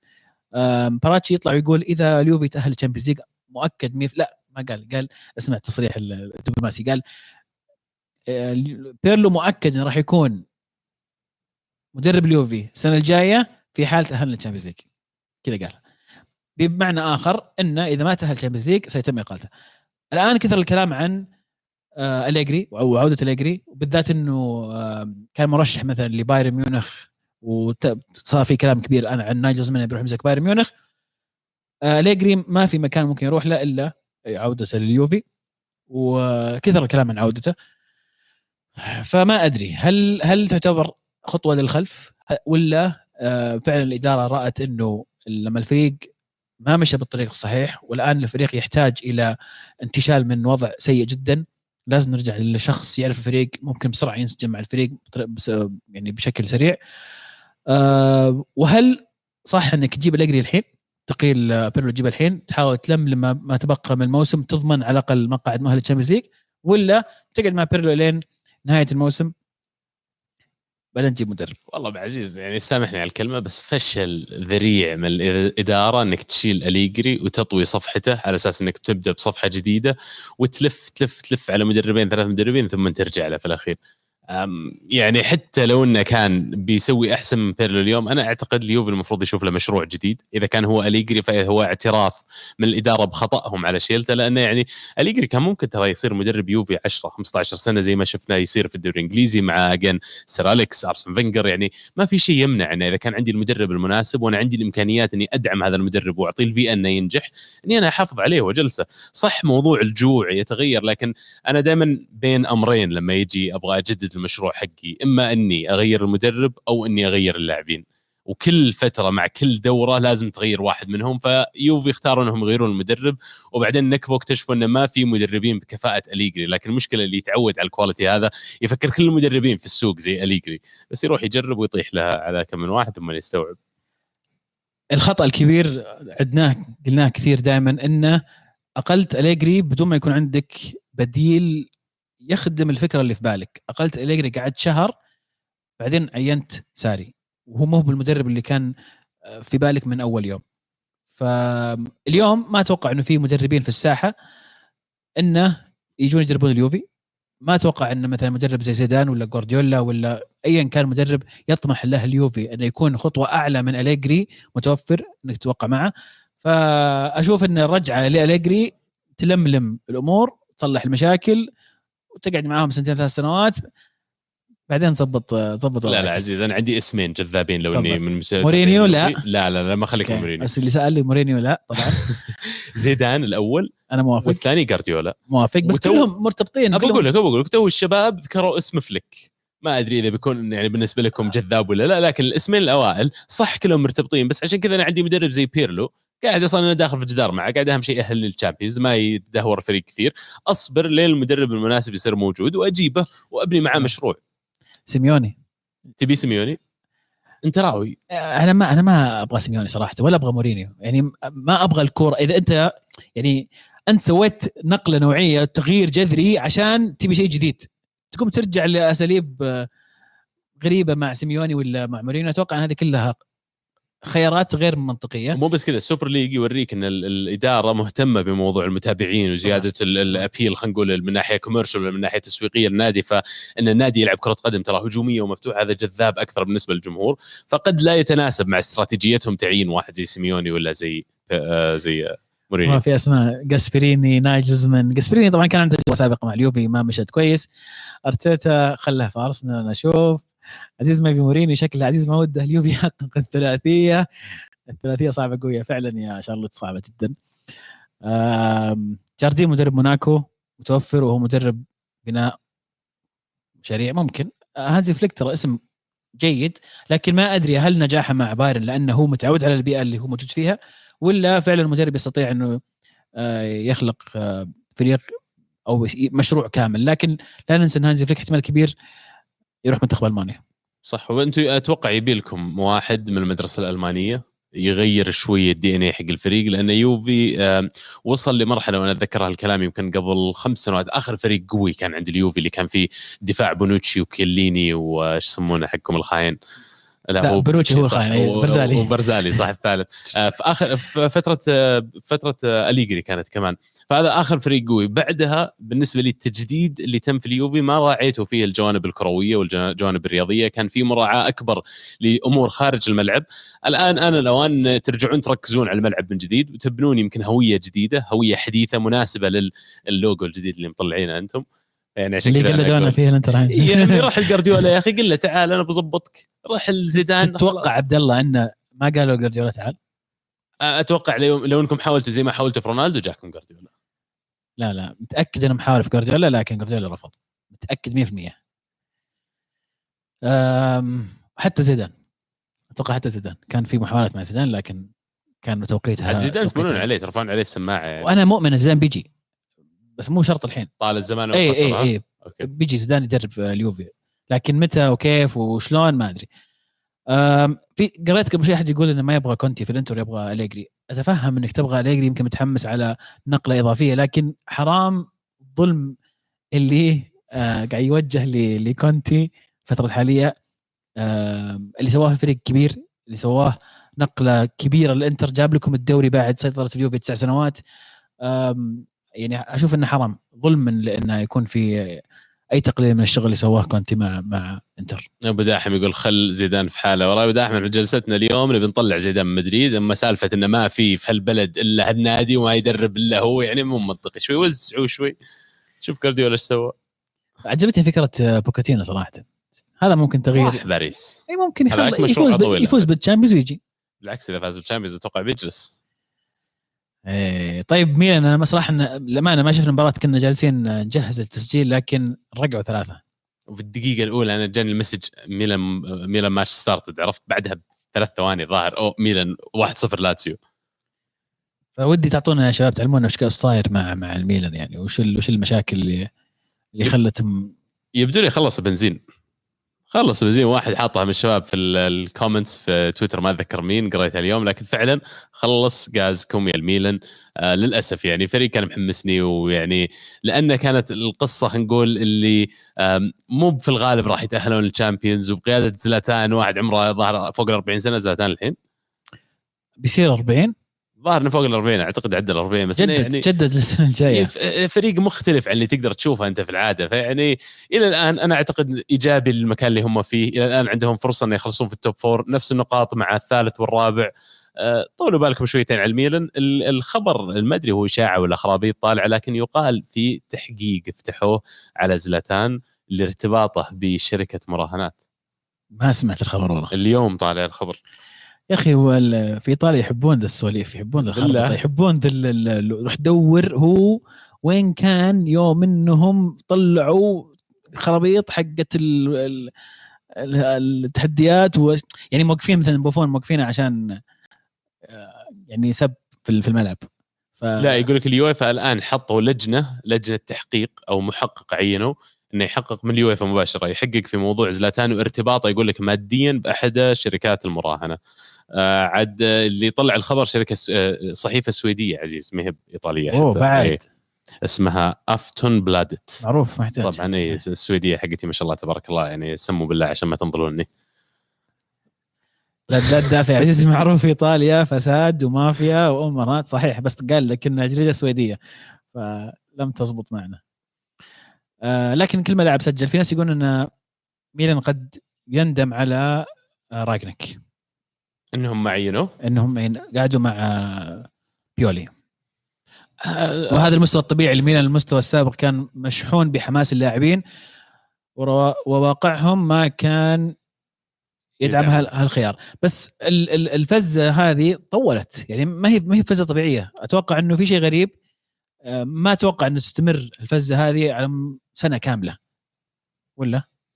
يعني هذا اللي يخلينا نتحمس معها إنه لو هي فزة لو اعتبرنا إن الفريق هذا الكواليتي حقه والمفروض إنه يلقى نفسه في المكان هذا ما كان يتحمسوا مع العالم بشكل زايد. شارلوت أيضا يقول خلونا واقعيين لولا إن الميلان تصدر بداية الموسم ما كان اعتبروا وضعه الحالي سيء وكان اعتبروا إلى الآن فريق قوي ويؤدي كويس. طبعا. لأن ميلان لين. لين قريب ترى كان في وضع نفس وضع أرسنال الحين. منتصف الدوري يعاني عشان يرجع ال Europa League ولا ال Champions League. الآن بالنسبة لي اللي قدم الميلان السنة هذه يشفع لنا فعلا عنده مشروع آه، إيجابي لكن نقطة الضعف فيه وجود زلاتان قد ما هو آه، اللي يعطيهم الإلهام والقوة آه، لاعب كبير وما تقدر فعليا إنك تعتمد عليه على مشروع تعتمد عليه على مشروع طويل الأمد. يبغى لهم واحد يطلعونه يعتمدون عليه غير زلاتان كمان. يصير وجود زلاتان إضافة وليس هو الأساس في الفريق.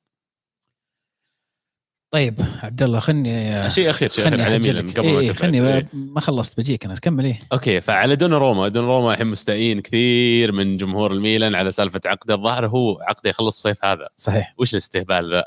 آه وطالب عقد لمدة سنتين. ما سمعت كم طالب بس سمعت إنه ما وصلوا إلى حل مع ميلان. وطالب مبلغ كبير كراتب وبدأ طبعا يرتبط اسمه باليوفي أوه والله. يقال أيضا ميلان خلص مع حارس ليل إذا غلطان وقعوا مع حارس ليل فكثر الكلام زيادة بعد ما وقعوا مع الحارس إنه خلاص روما ماشي. يعني أنا أعتقد خطأ استراتيجي من إدارة الميلان انه يوم تشيلسي جوهم هذيك السنة هم وأعتقد يونايتد حتى في فترة من فترات جوهم بعروض كبيرة وعروض حقيقية فعلا على الطاولة. رفضوا هالعروض وقالوا لا نفضل نحتفظ فيه. اللحظة اللي تشوف لاعبك يوقع مع ريولا هنا اللحظة اللي انت المفروض تتقروش تدور الفكة تحاول تبيعه. لأنه يعني زي ما موضوع نرجع كرة قدم للفقراء قبل شوي كرة القدم ما عاد هي للفقراء في لحظة اللي سمح سمح فيها الفيفا واليويفا لل super agents نسميهم إيه. إنهم يكونوا موجودين في عالم كرة القدم.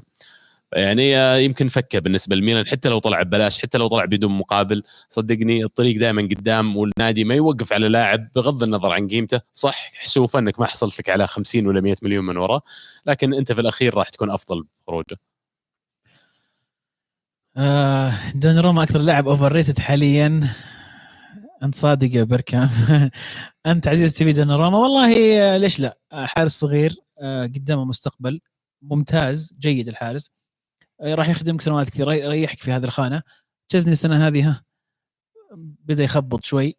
آه، ما أقلل منه ما هو بتشزني اللي شفناه في أرسنال بالعكس تشزني ممتاز لكن بدأ بدأ يرقل السنة دي فما يمنع انه يكون في حارس جديد. لكن ماليا أتوقع انه صعبة جدا بحكم إن الراتب اللي يطلب أتوقع يبغى 12 13 مليون في السنة.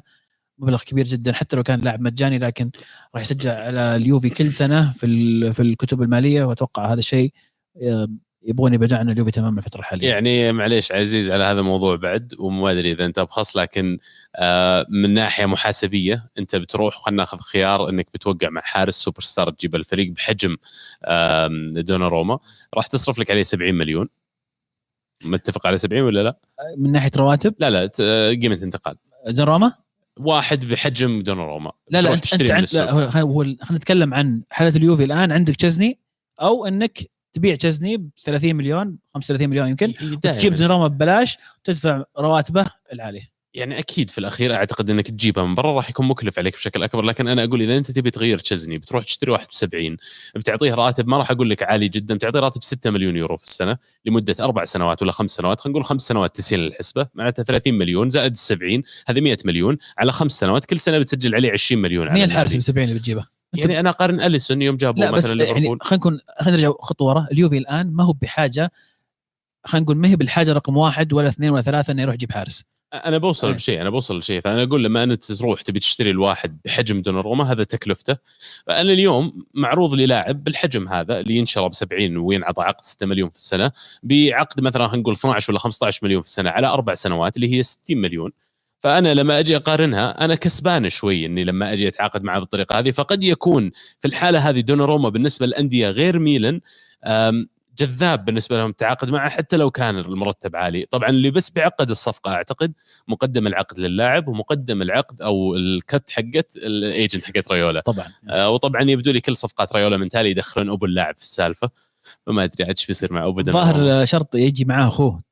دوناروما ما ي- ما ي- تو ياسر يسأل إيه، هذا هذا أخو دوناروما طيب أبو عابد عطنا توقعات لك ال- الثلاثة اللي راح يرافقون إنتر في في ال Champions League السنة الجاية. إذا في Champions League السنة الجاية. أوف تصريح كبير عزيز. لا لا في في والله قوية مرة. من أتلانتا طبعا 68 نابولي ويوفي وميلان كلهم 66 أنا أتلانتا ويوفي بالنسبة لي ونابولي هم الأقرب الثلاثة. ميلان للأسف نتيجه اليوم ضد لاتسيو ما ساعدته. كلهم تقريبا نفس النقاط لكن أتلانتا قاعد يقدم أداء كويس. وبعدين بالنسبة لي يعني أشعر الجوع فيهم أكبر من الميلان على موضوع المشاركة في ال Champions League. أه، والشيء الآخر كمان إن الاستقرار اللي قاعدين يعيشون فيه على مدى السنتين ثلاث سنوات الماضية أعتقد راح يعطيهم فرصة أكبر من الميلان على ال top four فأعتقد الميلان يمكن هو النادي أقرب واحد بيكون هو في المركز الخامس. لو تأهل ميلان الأبطال يستمر بيولي؟ أكيد. يمكن حتى لو ما تأهل الأبطال أعتقد في احتمالية كبيرة يستمر بيولي. أنا أتوقع يوفي واتلانتا وميلان. هذا توقعي أتوقع نابولي راح يطلع منها. آخ طيب. عجبني السؤال آه إبرة يقول عزيز أبو عابد للحين لو قالوا لك جيب ثلاث لاعبين لليوفي وأرسنال مين تجيبون؟ أي لاعب في العالم وخ... إذا بنخليها كذا حقت وناسة يعني شيل من بالك أي تعقيدات مادية، شيل من بالك أي موضوع حسبة مادية، اختار لي ثلاث لاعبين يحتاجهم فريقك اليوم وبتجيبهم. وأنا واحد أنت واحد إيش رأيك بالدور عشان نفكر مبا- طيب. مبابي مو ما يمديني أخذه؟ لا لا ما عادي. لا لا عادي لا لا لا عادي عادي كويس عادي كنت بزعل منك. أنا بجيب مبابي وهالاند أول اثنين. أحتاج لاعب. اثنين هم إيه إيه. أنا مؤمن بموضوع. إنك إذا تبغى تصير قوي اختار كذا خط في الفريق وخله مفجور قوي مرة ويفضل دائما إن هذا خط الهجوم. وبعدين أرجع أجيب لك واحد على أساس إنه يلحق عند الدفاع. أنا قاعد أحاول أغش. أنا أحتاج لاعب وسط. أحتاج لاعب وسط خرافي. وحش ها؟ اي اي ما ينفع لك ذا حق باريس؟ فاتي لا، ما ما يكفي. نبيني. دامنا قاعدين نتخيل على كيفي. سيبايوس. لا لا لا أقول لك عبد الله شوفوا له حل يا جماعة يقول لي سيبايوس. أوه فيصل فيصل والله أنا أتفق مع فيصل. ميسي مبابي هالاند إيه. ميسي. مبابي هالاند. وزي ناصر جاء في بالي والله فان دايك. سافيتشي جت جت إيه. برونو لا برونو ما أدري أحس برونو. ترى. مع اليوفي؟ ترى برونو. مفصل لليوفي تفصيل يعني. دي بروين طيب. دي بروين يعني صراحة الموسم هذا ما هو مقنعني مع السيتي وإصاباته صايرة واجد. أنا أخاف من اللاعبين هذول الز- الزجاجيين. فالفيردي. والله في أسماء. يعني. ثلاثة شوية يا كابتن. هاري كين- هاري كين. هاري كين ممكن بس اذا. إذا بجيب مبابي وهلا شفت أنا هذه النقطة حقتي عن هاري كين قبل شوي لما نتكلم عن لستة أفضل ثلاثة بجيبهم عمري ما راح أحط هاري كين في هاللستة، أنا عارف في ناس بيحطونه لكن بس بالنسبة اسمع، لي على خلينا نغير دام رجعنا موضوع هاري كين. عبد الله جيب جيب مهاجم لفريقك. طيب عطني بالترتيب من مهاجمينك اللي بتجيبهم. آه الأرسنال. إيه. آه، انسى انسى طريقة اللعب وذا انسى انسى. اللاعب اللي بتجيبه الفريق بيتكيف بيلعب على أسلوبه ما عليك. والله قريبة مرة بين مبابي وهالاند. بس طيب أعتقد 1 و 2 بفضل أوكي. مبابي. حلو. إيه. بعدين؟ بعد اثنين. إيه. كمهاجم بعد. إيه. آه اليوم إيه. ولا برضه أفكر مستقبل. الموسم القادم. ليونيل ميسي. حلو. بعدين؟ كريستيانو رونالدو. حلو. بعدين؟ ليفاندوفسكي. حلو. بعدين؟ يعني كم بمشي معك؟ خلصنا إيه، الشيء. الين توصل هاري كين لا لا من باصل هاري كين أنا مطول معي من باصل أبد هاري كين يعني. جوميز بافتنبي أوف يقولون عاد يدور حمد الله. مثلا. عبد الرزاق إذا مروق يصير رجال بس إذا مو مروق الله يهديه ليش ليش دائما. زعلان حمد؟ أنا عندي سؤال. ليش حمد؟ دائما في زعلان لاعبين كذا يا دائما دائما زعلان في دائما زعلان. كل ما سجل قال سكت الناس. ليه؟ ما-؟ تعرف دييغو كوستا طيب؟ يا دييغو كوستا يضحك أحيانا يضحك. صدقني كلهم زعلانين طول الوقت ذولي. في لاعبين كذا نوعية من اللاعبين. أصلا هذا هذا الحماس حقهم. وبالنسبة لي أنا ما يهمني اللاعب منفس ولا قاعد تسجل أقوال. اذا أنا أسلك لك. اللحظة اللي توقف تسجيل أهداف أبدأ أستقعد لك. كذا هكذا كرة القدم للأسف. طيب. انت أنت اللي تعال ما أعطيتني ال top 3 list حقتك في الهجوم. آه الهجوم؟ إيه. طبعا يعني نستثني ميسي رونالدو اللي معاهم؟ على كيفك. رونالدو عندي أصلا. فأشيله من القائمة. صح. آه مبابي هالاند. بالترتيب هذا؟ إيه. أوكي. مبابي هالاند. مبابي ليفاندوفسكي هالاند. تحب الشيبان أنت؟ أحب ال- ال- الناس تسجل. ما يهمني عمره هنا عادي. عارف طريق مرمى على إيه. قولة الشباب يوجه خشمة. هذا يعرف يوجه خشمة. يمكن بعدها بعد ذولي هاري كين. والله. إيه. احسك قاعد بس كذا. لا والله من في من في. ليونيل ميسي؟ إيش دعوة ميسي- ميسي، لا، لا، ميسي، هي- حطه فوق ميسي. لا لا ميسي ميسي هي بس إنه إذا بنس إذا نشيل فكرة إنه في رونالدو في لا طبعا ميسي أكيد. لا. بعدين هاري كين كريم بنزيما؟ هاري كين قبل. لويس سواريز؟ هاري كين قبل. صدق والله؟ yes والله غريب أنت يا أخي. من جد وين راح البنز؟ البنز يحتاجون مدريد ولا ما أقدر أخذه صراحة.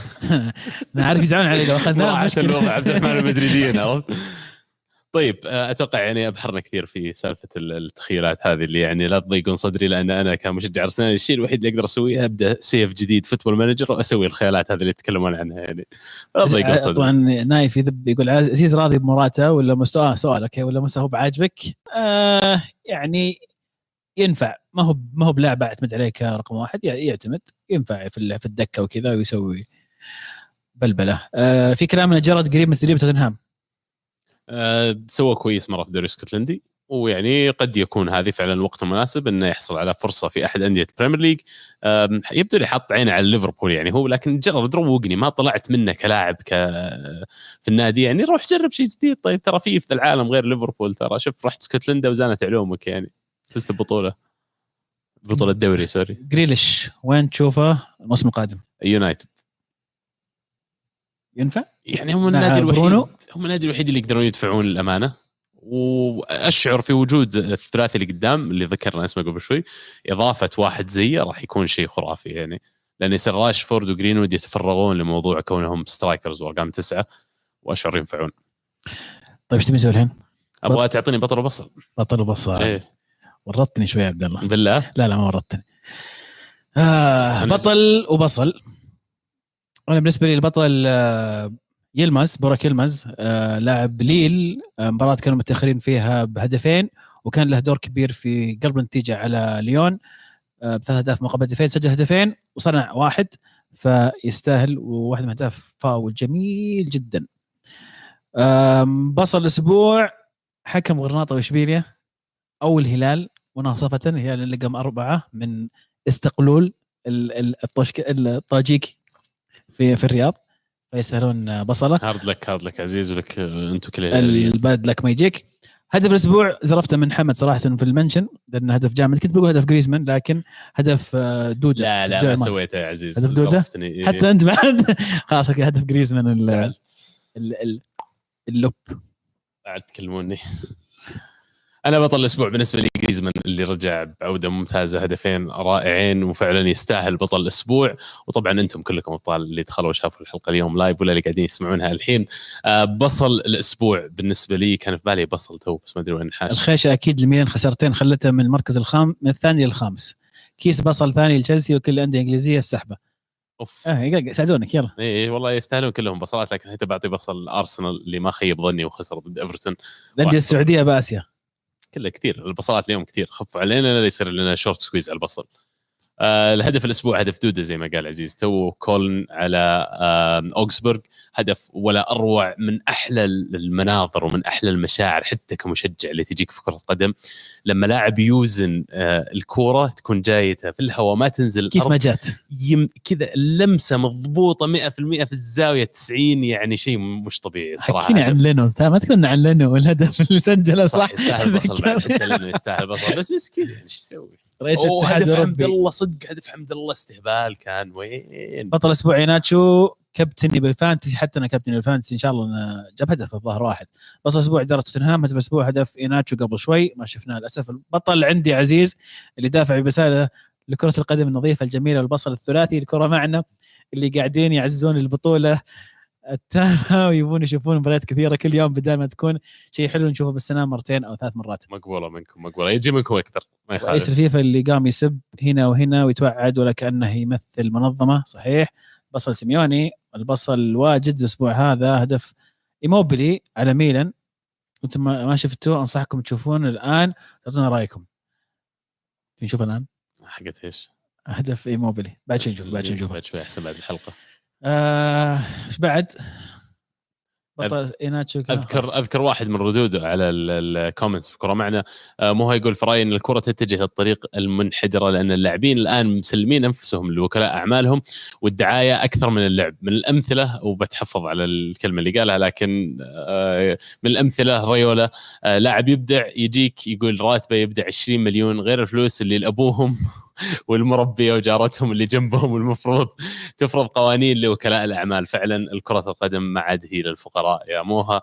وهذا الشيء اللي نتكلم عنه قبل شوي إنه في اللحظة اللي تبدأ تحس إن وكيل أعمال بدأ يدخل عندك ويتفشى في اللاعبين اللي موجودين عندك أنا بالنسبة لي اللحظة اللي تعين ريولا هي اللحظة اللي أنا المفروض أبيعك في نفس اللحظة. طيب نخش نخش على ال- ال mention. وأحمد يقول صراع المقاعد المؤهله للأبطال الموسم المقبل على أعلى المستويات ويا رب ما نشوف ليفربول ويوفنتوس في مجموعة واحدة عشان نستمتع بالبطولة. البطل بيلسا اللي تعادل مع ال top five في ملعبه ولم يخسر آخر ثلاث مباريات أمام السيتي وليفربول ومانشستر. البصل الاتحاد الإسباني ما أدري ليه بس عشان أبو داحم الهدف هدف صلاح أمام نيوكاسل استلام دوران وتسديد. أقترح عليكم نهاية الموسم تخصصون حلقة لألمو يمدح فيها يونايتد ويسقط على ليفربول لأنه كثر منها فجمعوها لآخر موسم خلوها حلقة واحدة. والله اي عاد حشرنا المو قلنا نروق شوي وخلاص نجمعها في حلقة واحدة ونقول له نفذ ونحط عليها تحذير كذا على أساس ان اللي يجي يكون عامل حساب كرماني يقول السلام عليكم سؤال نقاشي هل فعلا الاستقرار الفني بذيك الأهمية؟ تشيلسي مثلا يصنفه البعض كأنجح نادي إنجليزي آخر 15 سنة غير جاهز غير جهاز الفني أو غير جهاز الفني خلالها 15 مرة. إذا البديل الجيد موجود والجهاز الفني الحالي سيء، ليه أصبر؟ نتكلم عن الاستقرار طبعا وإذا أهمية الاستقرار لأن المدرب الجديد يحتاج وقت عشان يتأقلم الفريق مع طريقته ومع لعبه والمدربين اللي يساعدونه يحتاجون وقت عشان يعرفون كل لاعب وش مميزاته وش عيوبه وين القوة وش الأشياء اللي ممكن يزودونها يحسونها في التمارين العضلية وما إلى ذلك. فيحتاج وقت لذلك الاستقرار مهم. يجون طاقم تدريبي يعرف اللعيبة كلهم وكل واحد وش يحتاج وش ياكل حتى قبل ما ينام وش الأشياء اللي تناسب جسمه ما تناسبه غير ما يجيك واحد جديد ويتعلم على الفريق وياخذ وقت عشان يتأقلم. على طاري وقتي عشان يتأقلم عزيز عندنا ثلاث دقائق ولازم نختم لأن ورانا سحور أوكي طيب. ضغطتني ضغطتني. أقول لك. أم... وباخذ منها نص دقيقة ترى عشان حقت كانت الكره معنا هل نقدر هل نقدر نقول. الحين إن الميلان هل نقدر نقول الحين إن الميلان راح ما راح يتأهل الأبطال على وضع الجدول الحالي؟ زائد المباريات المتقدمه وفورمة الفريق الزفت خيبة أمل كبيرة لو ضاع التأهل وتتحمل الاداره بشكل رئيسي. الفورمه الفورمه تلعب دور كبير في الأشياء هذه وميلان للأسف الآن في خارج الفورمه مباراة اليوم لاتزيو على الأقل لو طلعوا منها بنقطة كانت بتعمل فرق مرة كبير بالنسبة لهم لكن ما بقى إلا خمس مباريات فعليا الموضوع طلع من يد الميلان. بعد خروج بايرن يوفي وبرشلونة من ال Champions توقعون أفضل لاعب العام راح لمبابي؟ زي ما قلنا تو أنا أعتقد إذا فازوا فعلا إيه مبابي راح يكون من أحد أكبر المرشحين. إدارة ميلان عطت دوناراما وهو مراهق عمره 17 سنة راتب 6 مليون ووقعوا مع أخوه. فوقها وعطوه كابتنية كلها مزايا ما يحلم فيها أي شاب. والحين وقت التجديد يطلب راتب 12 مليون وعقد موسمين. شيء مو منطقي أبدا والله لا يوفق ريولا. هو المسؤول عن تضخم في الكورة. لا لا بس معلش شيء منطقي جدا. والمفروض إدارة ميلان لو ما كانوا عارفين إن اللاعب لما عمره 18 تعطيه 6 مليون راح يجي يطلب منك راتب أعلى في العقد اللي بعده إذا أنت ما أدري إيش قاعد تسوي لأن هذا طبيعة العقود طبيعة الرواتب. في اللحظة اللي أنت وافقت على العقد الأول المفروض كان عندك استراتيجية إنك أنت كيف تستفيد منه. ما باعوه الميلان كان هذا التوجه في الأساس. لكن حتى الأندية اللي تجي تشتري دوناروما لما يشوفون عمره 18 وراتب 6 مليون راح يكونون أقل أقل الأندية المهتمة والعروض تكون أضعف من المتوقع. شركة خير تسمح لي؟ أعطينا. يمدي خالد يقول لو كنت رئيس نادي وعندك مدير رياضي شغال زي الفل ومدرب الموسم الماضي محقق السداسية وبينهم مشاكل ما يقدرون يشتغلون مع بعض من تقيل بهذه الحالة؟ أقوى مثال حالة مدرب بايرن فليك والمدير الرياضي حمدتش سؤال فلسفي صح؟ إيه نوعا ما. لأن ما في صح وغلط. مستحيل إنك تجاوب صح وغلط. أنا بالنسبة لي إلا في توجه واضح. اللي هو؟ اللي هو الستركشر حق النادي في أشياء طويلة الأمد أكثر من أشياء ثانية. فمثلا بعطيك عليه مثال مالك النادي أكثر واحد يطول في النادي من بعده يجي الجهاز اللي تحته. وكل ما تنزل تحت في ال pecking order هذا كل ما يقصر عمر الفرد مع النادي. فأقصر الناس عمرا مع النادي هم اللاعبين أنا باعتقادي. ويجي من بعدهم المدربين ومن بعدهم الجهاز الإداري. فالجهاز الإداري هو اللي يحط استراتيجية ونظرة طويلة الأمد ويحط الخطة اللي يمشي عليها الفريق عشان يوصل لأهدافه طويلة المدى. المدرب هو واحد يجي يحاول يحقق الأهداف قصيرة المدى وهو حاط عينه على أشياء كمان طويلة المدى. فدائما لما يصير في اختلاف إذا كان عندك اثنينهم ناجحين واثنينهم على نفس خلينا نقول الأهمية بالنسبة لك أنا باعتقادي راح أفضل الجانب الإداري على جانب المدرب. آه اللي يقول سحبته على منشن بالله اكتب ما لقيت منشنك ما عرفت أي واحد منشنك تزعلهم يا عزيز آه والله ما قاعد أحاول نقرأ كل شيء بس آه دخنا شوي. إي لكن- والله معليش. لكن أتوقع انها تجربة جميلة. ترى قرار مفاجئ كان للأمانة. ما كنا يمكن مخططين أبو عابد نسوي بالطريقة هذه لكن قلنا آه، نغير شوي ننوع بحكم إنه يعني سهرة رمضانية العالم سهرانين فممكن آه، نجرب هذه الحركة دي. ممكن نسويها مرة ثانية إذا حبيتوها. وإذا ما جزت لكم برضو علمونا عادي نبطلها وخلاص نقفل نرجع نرجع زي أول يعني. وبالنسبة اللي عطوا بصلات لبداحم ولا الم ولا غيرها كلها بتوصل لا تشيلونها بنوصلها بصلة بصلة. تقرأ أسئلة على ملاقي آه، على ملاقي آه، آه أنت ديناتري بتدورها ها؟ إيه. حق اللي مرة. آه الشباب نايف الظاهر كرر أيوة. السؤال أكثر من مرة. هل ودك أرتيتا يشيلونه؟ ولو بيشيلونه من يحطون مكانه؟ أنا ما مشكلتي مع أرتيتا أنا مشكلتي مع التوجه بشكل عام في النادي الملكية الإدارة. حتى لو غيرت المدرب ما راح يغير شيء إذا ما تغيرت الموارد اللي متوفرة له. فهد يقول بطل الأسبوع ويست وود ويلماز ساهم ثلاث اهداف ضد ليون. بصل الأسبوع توتنهام اللي ضيع بطولة بإقالة غبية. هدف الأسبوع. باركو لعبه أتلانتا يونايتد في الدوري الأمريكي. سؤالي وش النادي والدوري الأنسب لفلاهوفيتش مهاجم الفيولا؟ ترى فلاهوفيتش الأمانة ما حد منتبه له لأن في هالاند ولا هو عبارة عن هالاند رخيص وأقل طبعا مستوى لكنه قابل للتطور. مهاجم ممتاز جدا آه، والأضواء مهبة عليه. وأتوقع إنه يناسب ميلان مرة. مهتمين فيه؟ ما أدري والله إذا مهتم فيه لكن أحس إنه إذا تحتاج لاعب فعلا صغير ما هو في الأربعينات أو في نهاية الثلاثينات أنت يعني مهاجمين ميلان زاتان ومانزوكيتش فكلهم كبار في السن.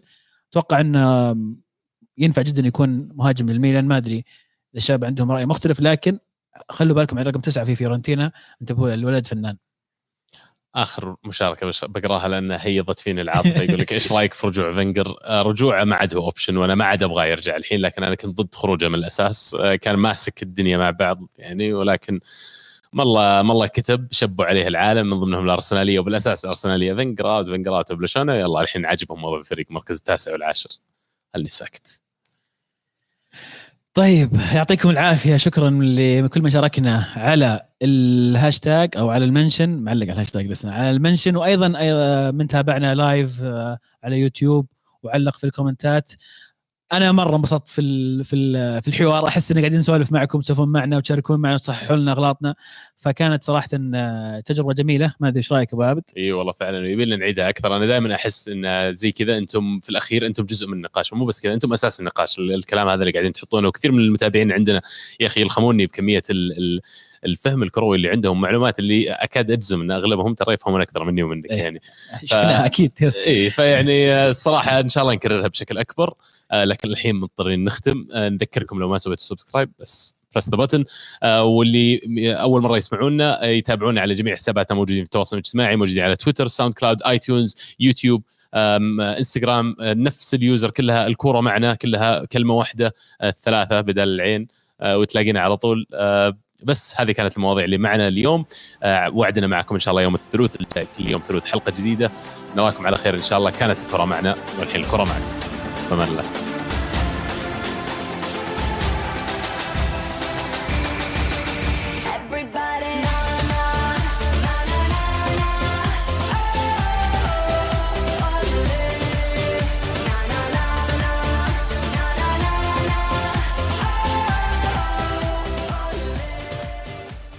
طفي ولا طفي؟ لا لا